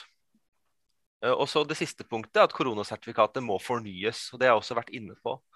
At uh, det er ikke sånn at har du først fått det, så, så har du det. det. må fornyes, og, og, det må en aktiv handling til. Og, og, og det har jo da vært tre måter å få koronasertifikatet på til nå. Det ene er da ved vaksinering. Og nå er det jo da vaksinering med nok antall doser. Det andre er da ved gjennomgått sykdom, og det tredje er da ved negativ test. Så, så det må fornyes på en eller annen måte. Den måten som da handler om negativ test, den foreslås jo da ta, ta, tas ut, så at man ikke kan teste seg til, til sertifikat. Eh, punktet med også, også da eh, få koronasertifikat basert på gjennomgått sykdom, eh, den er jo sånn at naturlig immunitet veit vi gir bedre beskyttelse enn vaksiner. Når det nå har vært så mye snakk om antall vaksinerte og uvaksinerte som blir, har vært lagt inn på sykehus, så har jeg spurt en overlege på Ahus Akershus universitetssykehus, jeg kan ikke ut i navn her nå, men jeg har spurt vedkommende. Hvor mange av de innlagte på intensivavdelingen er uvaksinerte som tidligere har gjennomgått covid-19-sykdom? Og svaret er ingen. Ja. ja. Men likevel så defineres de som såkalte uvaksinerte, når de egentlig tilhører en helt annen kategori. Man skal presses inn i kategori vaksinert-uvaksinert når det egentlig fins en helt egen kategori som heter immun. Ja. Og selv om man kan få covid flere ganger, for det, det kan man, man kan få ulike varianter, ja, så blir man ikke mer alvorlig syk igjen. Altså hvis, hvis man har gjennomgått sykdommen én gang. Ja. Uh, så altså, ja, ta, ta faren min, f.eks. Han har hatt covid to ganger. Han har nok ikke noe imot at jeg nevner dette, for han har nevnt det selv offentlig. Han, første gangen så ble han nokså dårlig. Han, han, var, han hadde høy feber, og, og han var, hadde hodepine, og dette her varte i flere dager. Men han var bare hjemme. og Trengte ikke noe sykehushjelp, ingenting. Og, og fikk etter hvert litt sånn her utslett og sånn. Men etter to uker så, så, var det helt over for han. Så ganske sånn hard eh, sykdomsforløp. Nå fikk han da covid igjen et år senere. Det var jo, det var jo det var jo som ingenting. Det var litt sånn vondt i halsen. Han hadde ikke tenkt å teste seg igjen. Jeg sa men det, det, du kan jo gå og teste deg, sa jeg. Så, så det gjorde han da. også. det viste seg at han hadde, hadde, det da. ikke sant? Så han trengte jo ikke å gå på sykehus. Han ble ikke innlagt. Så, så, det, så, så har man gjennomgått sykdommen, så har man da en veldig god beskyttelse. Så, så um, årsaken til hvorfor man da må ta vaksine etterpå for å få et gyldig koronasertifikat, den, den, det tror jeg bare er politisk bestemt. Så, så det er jo da en, en kategori. Og så er, er, du immun, så er det jo vanskelig å bli syk igjen. ikke sant? Så, så hvis du skal få koronasertifikat basert på gjennomgått sykdom, ja, så får du det én gang. Men så har du jo da ugyldig sertifikat etter, etter, en politisk bestemt tidspunkt på seks måneder. Selv om forskning viser at man er jo frisk og beskytta i mange år. Men ok, etter seks måneder så er du jo da, er du da ugyldig. Hva skal du da gjøre? Da må du enten begynne med testmetoden, eller du må ta vaksine. Altså, du blir stående i heisen. Du kan jo ikke bli syk igjen. Eller du kan det, da, men sannsynligheten er lav. Og hvis du, og hvis du blir det, så veit du aldri når du blir det. Og du kan jo ikke drive og oppsøke sykdom heller, for da bryter du jo smittevernloven. For du, du skal jo ikke utsette noen andre for en smittsom sykdom. Så da blir du stående i heisen. Skal jeg ta vaksine? Skal jeg drive og teste meg? Oi, testmetoden er borte. Nå jeg må ta vaksine for å få gyldig koronasertifikat. Og dermed så er det da, det er jo ikke et medisinsk behov som driver vaksineringen frem mot koronasertifikat. Det er jo da eh, dette her med at man eh, skal da få gyldighet i et pass. Og det er feil hensikt og motiv. Og Den siste måten da å, å få gyldig koronasertifikat på, er jo da også, også ta vaksiner. Og vi vet jo at vaksinene har veldig avtagende effekt. Og det betyr jo da at hyppigheten mellom hver dose må være oftere. Og vi vet jo også at bivirkninger eh, sjansene for det øker for, for, hver dose man må ta. Så man, man, utsettes for fare hver gang man må ta en ny dose, men det anses jo da som nødvendig for å få koronasertifikat. Dette er galt. Vi kan ikke ha det sånn at vi, at vi må drive på og eh, ta øh, og holde på sånn. Nå skal jeg lese en ting. Vi var inne på dette her med såkalte konspirasjonsteorier. Her, eh, her er eh, en, en, venn av meg, eh, Jarle Jacobsen, som skriver. KrF-politiker, han er jo ikke sant? Ja, han er også KrF-politiker borti Sveio. Ja. Og vi, vi, gjorde et TV-program sammen på Kanal 10 for et år siden. Han og jeg og Truls Olufsen Neus i Troms og Finnmark. Uh, og det var i etterkant av at vi hadde skrevet et leserinnlegg i, i Nettavisen som gikk på dette her med om disse koronatiltakene og restriksjonene. om, om hvorvidt ikke det er en fare for demokratiet. Så den kan man også lese igjen, den, den, det stykket der. Uh, men uh, Jarle Jacobsen skriver i dag, og dette her ligger jo da ute på, på Facebook, så han skriver da når det gjelder disse konspirasjonsteoriene knyttet til smittevern under covid-19-pandemien. Så uh, er det kanskje noen er kanskje noen av disse tingene konspirasjonsteorier. Okay. Vaksinene hindrer ikke smitte. Ja, en konspirasjonsteori jo... tidligere, var det ikke? Ja, ja, altså for et år siden. Vel, altså, nei, hindrer dem ikke smitte? Nei, det er konspirasjonsteori. Ikke sant? Visst hindrer de smitte? Ja.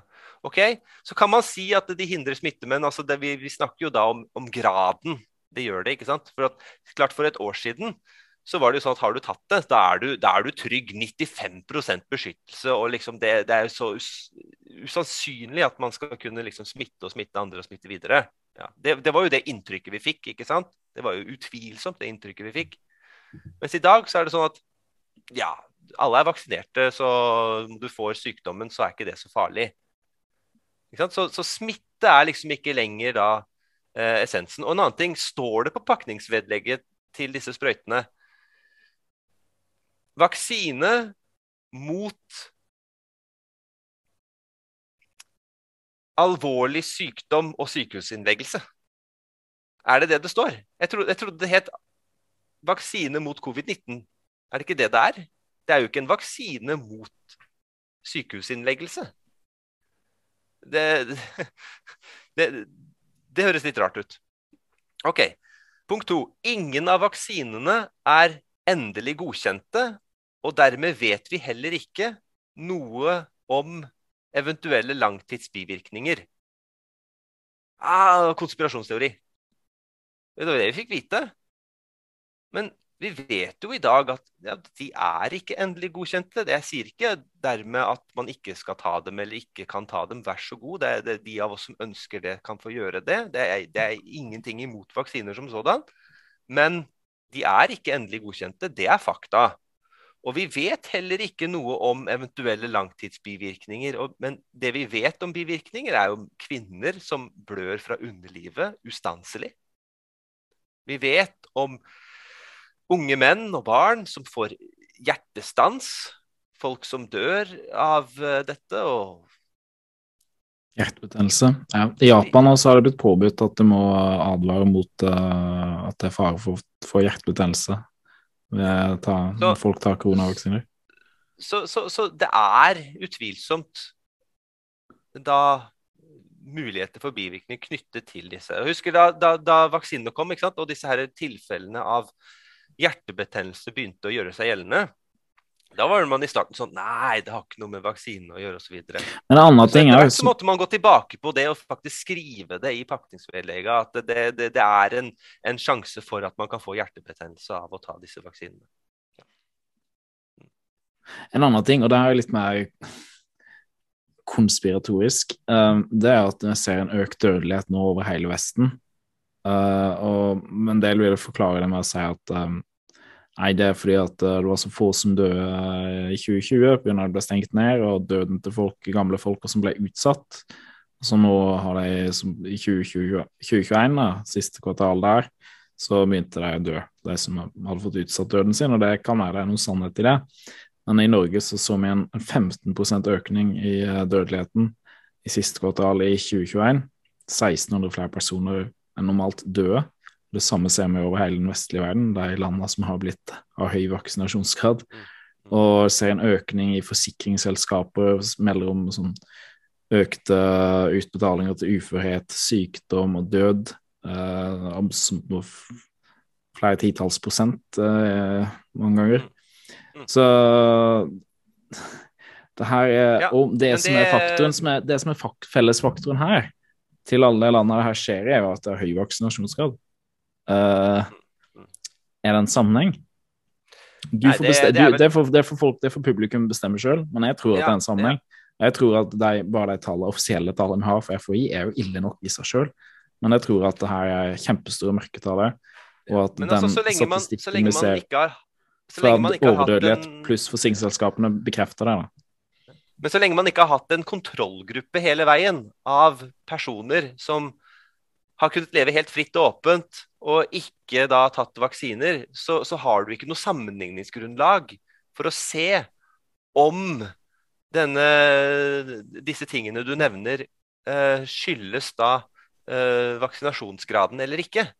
For, for hvis man hadde hatt en kontrollgruppe som ikke Altså en, en, formell kontrollgruppe i et forsøk som da ikke tok uh, vaksiner og ikke da uh, var underlagt de tiltakene og restriksjonene som hadde vært, så kunne man jo sett mellom den kontrollgruppen og da samfunnet for øvrig hva som fungerte best.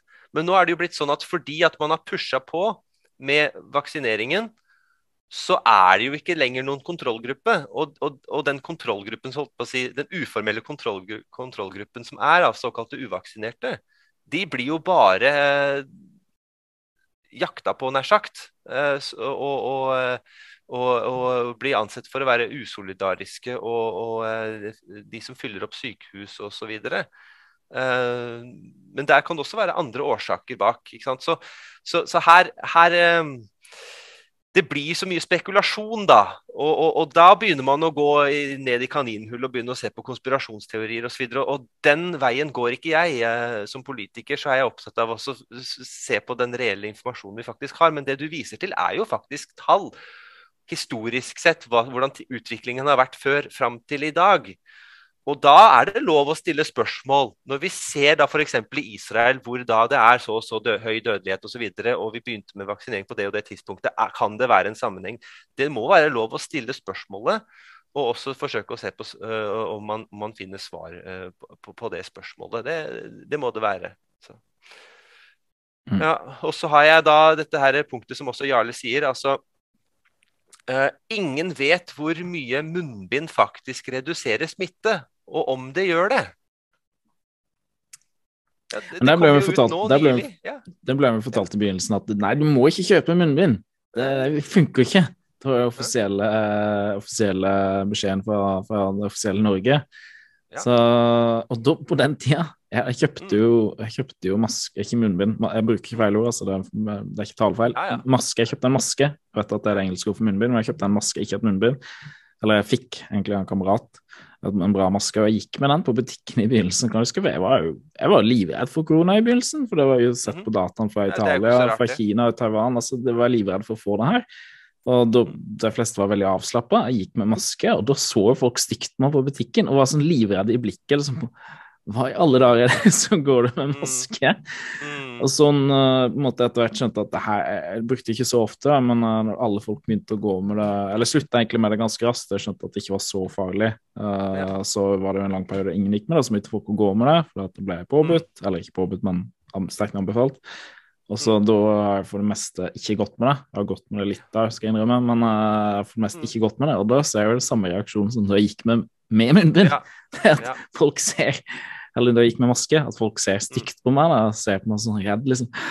Mm. Så her liksom går det en smittefarlig person uten munnbind. Ja, du bruker. Eh, du bruker sunn fornuft og tenker selv, ikke sant? Og det, mm. det, er, det er, ikke lov i, i, forhold til janteloven, ikke sant? Altså du, du, du, du blir eh, da ansett for å være eh, rar hvis du da ikke gjør det som da alle andre gjør, ikke sant?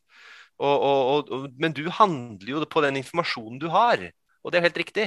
Og når du da ser at den informasjonen du da hadde, den eh, stemmer ikke, så slutta du. Men så fikk folk flest en helt annen informasjon, og da begynte de. Men da var jo du en av de som da ikke fortsatte, for du hadde en annen informasjon. Du handla på det som var riktig informasjon ut fra det som du da hadde forska deg eller undersøkt deg fram til. Uh, og, og, det er jo det vi, det, det vi skulle gjort, alle sammen. Ja. Og dette her med munnbind, det, det ble jo skrevet nå uh, i mainstream-media. Så selv om jeg ikke oppsøker det aktivt, så, så, så, får jeg jo tilsendt lenker, og jeg går jo inn og ser saker. Så jeg får jo med meg alt, selv om jeg ikke er inne selv og driver og, og ser. Så, her i Dagbladet så var det jo en sak om, om akkurat dette her med, med munnbind, om det hadde noe for seg i det hele tatt. Sier de nå, to år etter pandemistart. ikke sant? Altså, jeg, jeg, vet såpass at, at munnbind, såkalte N95-merkede munnbind, som da er da sånne gode munnbind, de har en viss smitteverneffekt i sterile omgivelser. Det har de. Men så fort du tar på dette munnbindet med hendene på utsiden, sånn, så er det munnbindet kontaminert. Og dermed så er det da unyttig. Og generell munnbindbruk, det er feilbruk. Alle tar av og på seg det samme munnbindet sånn og sånn, putter i lomma opp igjen. Det er feilbruk, og det gjør større ugagn enn nytte når det er feilbruk. Så det har ingen da smittevernmessig effekt. Og hvis det her skulle da være farlig, så ligger det jo da munnbind på bakken rundt omkring. Skulle ikke dette her da vært lagt i sånne her gule konteinere med sånn her eh, varseltrekant på som sier at dette er livsfarlig avfall. Biohazard, liksom. Det, det, det, må jo det være, hvis det her skal være så, så, så farlig at man må da bruke munnbind i, i, i, det daglige. Og så er jo da det jeg vil påstå, uh, og dette er jo min mening, så, så at ikke dette knyttes til noe sånn politisk da punkt i noe program eller noe parti, men min mening er jo at munnbind, generell munnbindbruk, det, er, det, det fungerer som en slags uh, uh, uh, Ja, hva skal jeg kalle det? Um, noe som har med kontroll å gjøre. Som viser at man er underlagt kontroll. Det et kontrollmarkør. Ja. Så fort du tar på deg munnbindet, så viser du at du er blant de som lar deg kontrollere. Du er blant de kontrollerte. Eh, enten av bestemmelsen selv eller av omgivelsene dine. For kanskje du går og tenker at ah, hvorfor gidder jeg å gå med dette munnbindet? Ja, ja, alle andre gjør det, så jeg får gjøre det, jeg òg. Altså, det er en form for kontroll, det òg. Man lar seg bli kontrollert av andre og hva de andre mener og synes. Og du vet at Jeg er jo oppvokst eh, da, siden jeg kom til Norge i, den forståelsen av at uh, vi er blitt opplært på skolen at uh, du må være den du er, og, og uh, du må ikke bry deg om hva andre sier og osv. Tenke sjæl var en sang vi lærte på skolen, tror jeg. Ja, det òg. Men, men, i praksis så Men jeg skjønte ja. tidlig på skolen at jeg mener jo ikke det. Så jeg mm. skjønte jeg jo mye i studiene mine. Så mm. at uh, nei, professoren og læreren og sånn, jeg mener jo ikke at du skal tenke sjøl. Jeg mener jo at uh, skriv det deg mener, og så får du god karakter. Så, og så, bare for å ta et banalt eksempel. Jeg, jeg reiste til Trondheim med fly her eh, forleden. Og jeg, på Gardermoen jeg, husker, det, dette, her var, dette, her var, vel egentlig før munnbindpåbudet hadde opphørt, tror jeg. Men jeg gjør noe sånn at jeg har, hadde munnbindet med meg og tenkte at uh, hvis det blir påpekt at uh, du har ikke på deg munnbind, så, så skal jeg Å ja, beklager, jeg, jeg, tar det på. ikke sant? Av hensyn til andre. Sånn, sånn tenker jeg at jeg skal ikke provosere andre. Eh, så, så hvis, hvis, det oppleves sjenerende for noen at jeg da ikke har munnbind, så skal jeg ta det på for, for, for, av hensyn til dem. Men jeg gikk da på Gardermoen. Jeg gikk gjennom sikkerhetskontrollen, ikke munnbind. Kom på gaten, ingen munnbind. Jeg var den eneste som ikke gikk med munnbind. Og tenkte det at ja, ja, det, det, det er tydelig, Folk bryr seg tydeligvis ikke om at jeg ikke går med munnbind. Og det, det er jo positivt. Uh, og, og, hvis det hadde blitt påpekt av noen som sagt at uh, det, hvor er munnbindet ditt, så hadde jeg tatt det på. Og jeg gikk om bord på fly, hadde ikke på munnbind, satte meg i setet mitt, hadde ikke på munnbind, fløy hele veien. Altså, Poenget er det at hele den turen så var vel jeg den eneste, som, så langt jeg kunne se, som ikke brukte munnbind. Dette var en fredag. Så samme dag, eller Nei, eh, skal vi se. Ja, dette var en fredag, ja. Og så lørdagen etter så var det dette at munnbindpåbudet det ble oppheva. Så når jeg skulle reise tilbake igjen fra Trondheim på mandag, fortsatt ikke munnbind. Men da var det omtrent ingen som hadde på munnbind. Det var, var noen få som fortsatt hadde det. Så liksom bare sånn fra en fredag til en mandag så, så var det stor forskjell på om man hadde munnbind på seg eller ikke. Som, som, om, eh, som, om, viruset da angivelig hadde vært, blitt borte da i mellomtiden. Men det var jo egentlig bare det at man hadde fått beskjed om at nå kan du velge selv om du vil bruke munnbind eller ikke. Så jeg har valgt det selv hele tiden, jeg. Ja. En anbefaling om å gå med munnbind er en anbefaling. Og, og er det påbudt, så, så, skal jeg ta det på hvis det, det påpekes at du, her må du bruke det. Så da, da, tar jeg det på. Det er ikke noe problem sånn sett. Jeg skal ikke være til provokasjon for noen. Og jeg skal heller ikke, ikke vise hensyn til andre. Så det er greit. Men å gå med munnbind som en, en kontrollmarkør, det gjør jeg ikke. For det er det, det er det, man egentlig viser, at man lar seg kontrollere. For det har ingen smittevernmessig effekt i praksis, den generelle munnbindbruken. Den er til større ulempe enn nytte, fordi at man driver på med dette munnbindet og tar på det osv.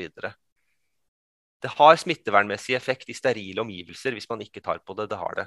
Men generell munnbindbruk det har jo også vist seg å ikke fungere mot da eh, koronavirus. Ja, pluss at den driver og puster inn eh, mer CO2 og det er bare alle bakteriene som setter seg i munnbindet, som man puster inn og ut gjennom hele tida. Som ja, sikkert klart. ikke er veldig sunt, da. Og jeg, jeg, skal si det, at jeg er veldig glad for at regjeringen i Norge, enten det har vært Solberg-regjeringen, der, der, KrF også har vært med, eller nå med Støre-regjeringen, at tiltakene og restriksjonene, selv om jeg mener at de burde vært oppheva og, og, og, så videre for lenge siden, og at lovene som uh, gjør det mulig, må, må avskaffes, så har vi i alle fall vist et hensyn til barna våre om at de skal rammes i minst mulig grad. Så at barn i Norge har ikke behøvd å gå med munnbind. Det er jeg veldig glad for, for det ødelegger helsen, helsa til barna. Det ødelegger læringsevnen til barna og så gå med, med, munnbind. Så jeg er fryktelig glad for at, at uh, vi i Norge ikke har hatt da munnbind uh, på, på, barna våre. Så det, det, det, det er mulig jeg går for langt når jeg sier det, men jeg gjør det allikevel. Jeg tror vi kan takke KrF i regjering for at tiltakene og restriksjonene i Norge ikke har ramma barna i like stor grad som det har i, i andre land. I demokratiske stater i USA så har det vært sånn uh, Skolen har vært stengt ned kjempelenge. så Når det er åpna opp, så alle barna måtte gå med munnbind. Lærerne går med munnbind. Uh, og i tror det er i staten New York så er det en sånn vaksinasjonsgrad Der er det jo stort press på å få fem til elleve-åringer vaksinert, til og med. Der det var, men det var vaksinasjonsgrad på 20% sist jeg hørte på det, men det er jo en måned siden, så det er sikkert høyere nå. Så så er det, altså, det er jo helt, helt vanvidd. Mm. Det, det er jo altså, det... barn, barn, blir ikke syke. Altså, barn kan bli litt syke av det her, men barn blir, ja. de cruiser igjen det lett som en plett. De har ikke noe ja. behov for en vaksine. og mm. det, når du vet det mange bivirkninger knytta til det i tillegg, da, så er det, det er ren og skjær ondskap å komme med en anbefaling da. Ja. Eller til og med Jeg vil kvalifisere det ved å si barn generelt. For det er klart det finnes ja. jo et og annet barn som er mer sårbart enn andre. Men, men, men, ja, barn generelt har ikke behov for disse vaksinene. Jo, og jo, også de tåler covid veldig godt. Det, mm. De fleste merker det ikke, nesten, kan nesten, nesten, ikke merke det. Og det har vært gjennomgående siden, siden starten. Men det som har vært da, vet du, med, man har fremstilt barn som noen type smittebomber som kan være til fare for andre. Og det syns jeg har plassert barn i en situasjon som de ikke skal være i. Og det har jeg også uttalt meg om både på TV og i, i, i eh, leserinnlegg og i aviser. at massetesting av barn. Jeg er totalt imot det. Ja, totalt imot. Det var bare. Man skal ikke drive og masseteste barna og så plassere dem i en situasjon der de indirekte ilegger skylden for at noen andre kan dø av et virus. For det er det man egentlig gjør. Man sier det at vi må masseteste barna, vi må finne ut om de er syke. For hvis ikke så kan de smitte noen som kan smitte noen som ikke kan tåle det, og dermed som kan havne på sykehus og i verste fall dø av dette her. Så man, man legger skylda på barna for at noen dør indirekte. Og man gir da barna en byrde som de ikke skal måtte bære. Derfor er jeg imot den massetestingen av barna som har vært i skolene. Og jeg håper at det ikke vil fortsette med, med, med massetesting av barn. Og, og at, at, testingen er frivillig nå, det er jeg veldig glad for. Så da, da, blir det opp til de enkelte å vurdere om, om de, de, skal ønske det. Og det var jo også sånn med testmetoder. Jeg har strengt tatt vært frivillig på skolen òg, Man uh, jobber jo ja, som lærer sjøl, men, det, det, det men er ikke i praksis, da. Ja, ikke i praksis, da, for det er sånn at, at uh, noen kommer og deler ut uh, hurtigtest til alle. Så er det nå vil vi at alle skal være testa innen i morgen. Mm. Uh, men, sånn, men hvis du absolutt nekter, så så blir det kanskje bare skrevet en e-post til foreldrene. Det blir kanskje ikke engang informert til elevene om at ja, hvis det absolutt nekter, så må de ikke ta den testen. Men, mm, mm. men det er jo det inntrykket alle sitter igjen med, at du må ta den testen, og så ta den ja, testen. Det, det er så, riktig. Det var, det var, slik det var. Mm. Ja. Man kommer liksom tilbake fra ferie. Nei, nå skal hele skolen massetestes. Altså, du, ja. du føler jo som forelder at du har jo ikke noe valg, ikke sant? Dette er noe alle gjør. Ja. Mm. Mm. Uh, Jarle Jacobsen sin liste, har du, har du Ja, siste punkt uh, på det han sier der. Siste punkt det han sier der i forhold til såkalte konspirasjonsteorier. Ekstrem fattigdom har økt, og minst like mange er døde av tiltakene som av selve viruset. Det blei jo sagt, bl.a. av oss tidlig, at uh, ved å stenge ned samfunnet så øker fattigdommen. Og nødhjelp kan, kan, eh, kan, Det når ikke fram. Mange flere vil dø som følge av tiltak og restriksjoner enn at vi fortsetter å ha det åpent. Det, og det viser seg jo at det, stemmer. Det er jo, det er jo dessverre sånn at uh, tiltakene har gjort, gjort stor uh, skade på, på, på folk mentalt. Mange har begått selvmord. Mange har eh, forretninger som har gått under. Mange har prøvd å nå ut med nødhjelp som ikke har nådd fram. Det er liksom det, det, Tiltakene og restriksjonene har ført til større problemer enn det selve viruset kunne gjort. Og øh, naturlig immunitet, det, det blir undervurdert. Og vi ser jo da i, i land nedover i Afrika osv. hvor de ikke har hatt vaksiner og sånn, der, der, har det ikke vært så veldig mye sykdom. Men der det har vært sykdom, så er det også da større immunitet.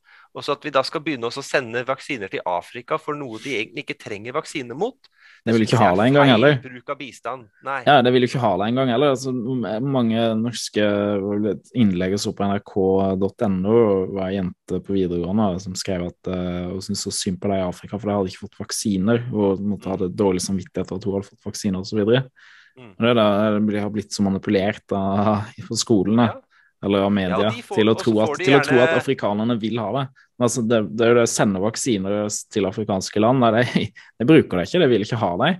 Det, så jeg skjønner det godt. altså Afrika har en mye yngre befolkning enn Europa, så det henger nok sammen med det òg. Men altså, hvorfor skal en, en eh, stort sett Afrika har en stort sett eh, meget ung befolkning? Hvorfor skal de da drive og, og massevaksineres Riktig. mot en så mild sykdom, spesielt for unge folk? Ja.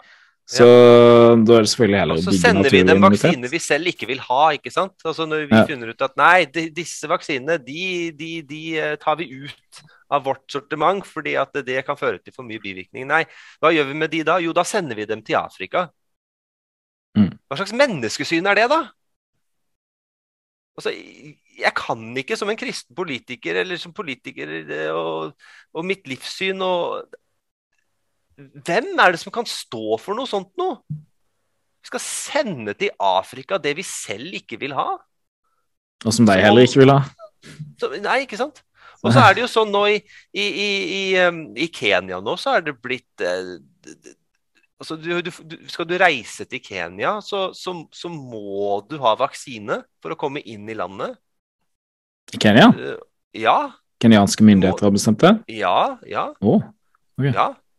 Og så finnes det Og så må du, du må laste opp vaksinebeviset ditt inn i et spesielt, uh, på en spesiell uh, webside som heter Global Haven. Der skal du legge inn vaksinebeviset ditt. Så må du i tillegg ha da negativ test som ikke er eldre enn 72 timer før avreise, uavhengig av om du er vaksinert eller ikke. Så må det også lastes opp på den, nettsiden. Den nettsiden. Og så må du teste deg når du kommer da til flyplassen før du kommer inn i landet også. Så det er så strengt. Og så finnes det unntak hvis du har hatt covid-19 og blitt frisk igjen ikke senere enn 90 dager, og du har legeerklæring på at du da har gjennomgått sykdommen, da kan du få komme inn i landet uvaksinert. Men da må du ha en skriftlig legeerklæring. Og den får du ikke lasta opp på den siden hvor du laster opp da vaksinebeviset ditt. Så det må du ha med deg i hånda og håpe på at da kontrolløren godkjenner den, så at du kommer inn da med, med gjennomgått sykdom. Det fins ingen måte å komme inn i landet på med, med, test. Du må enten ha gjennomgått sykdom, ikke senere enn 90 dager, og ha en, legeattest på det, pluss negativ test før avreise.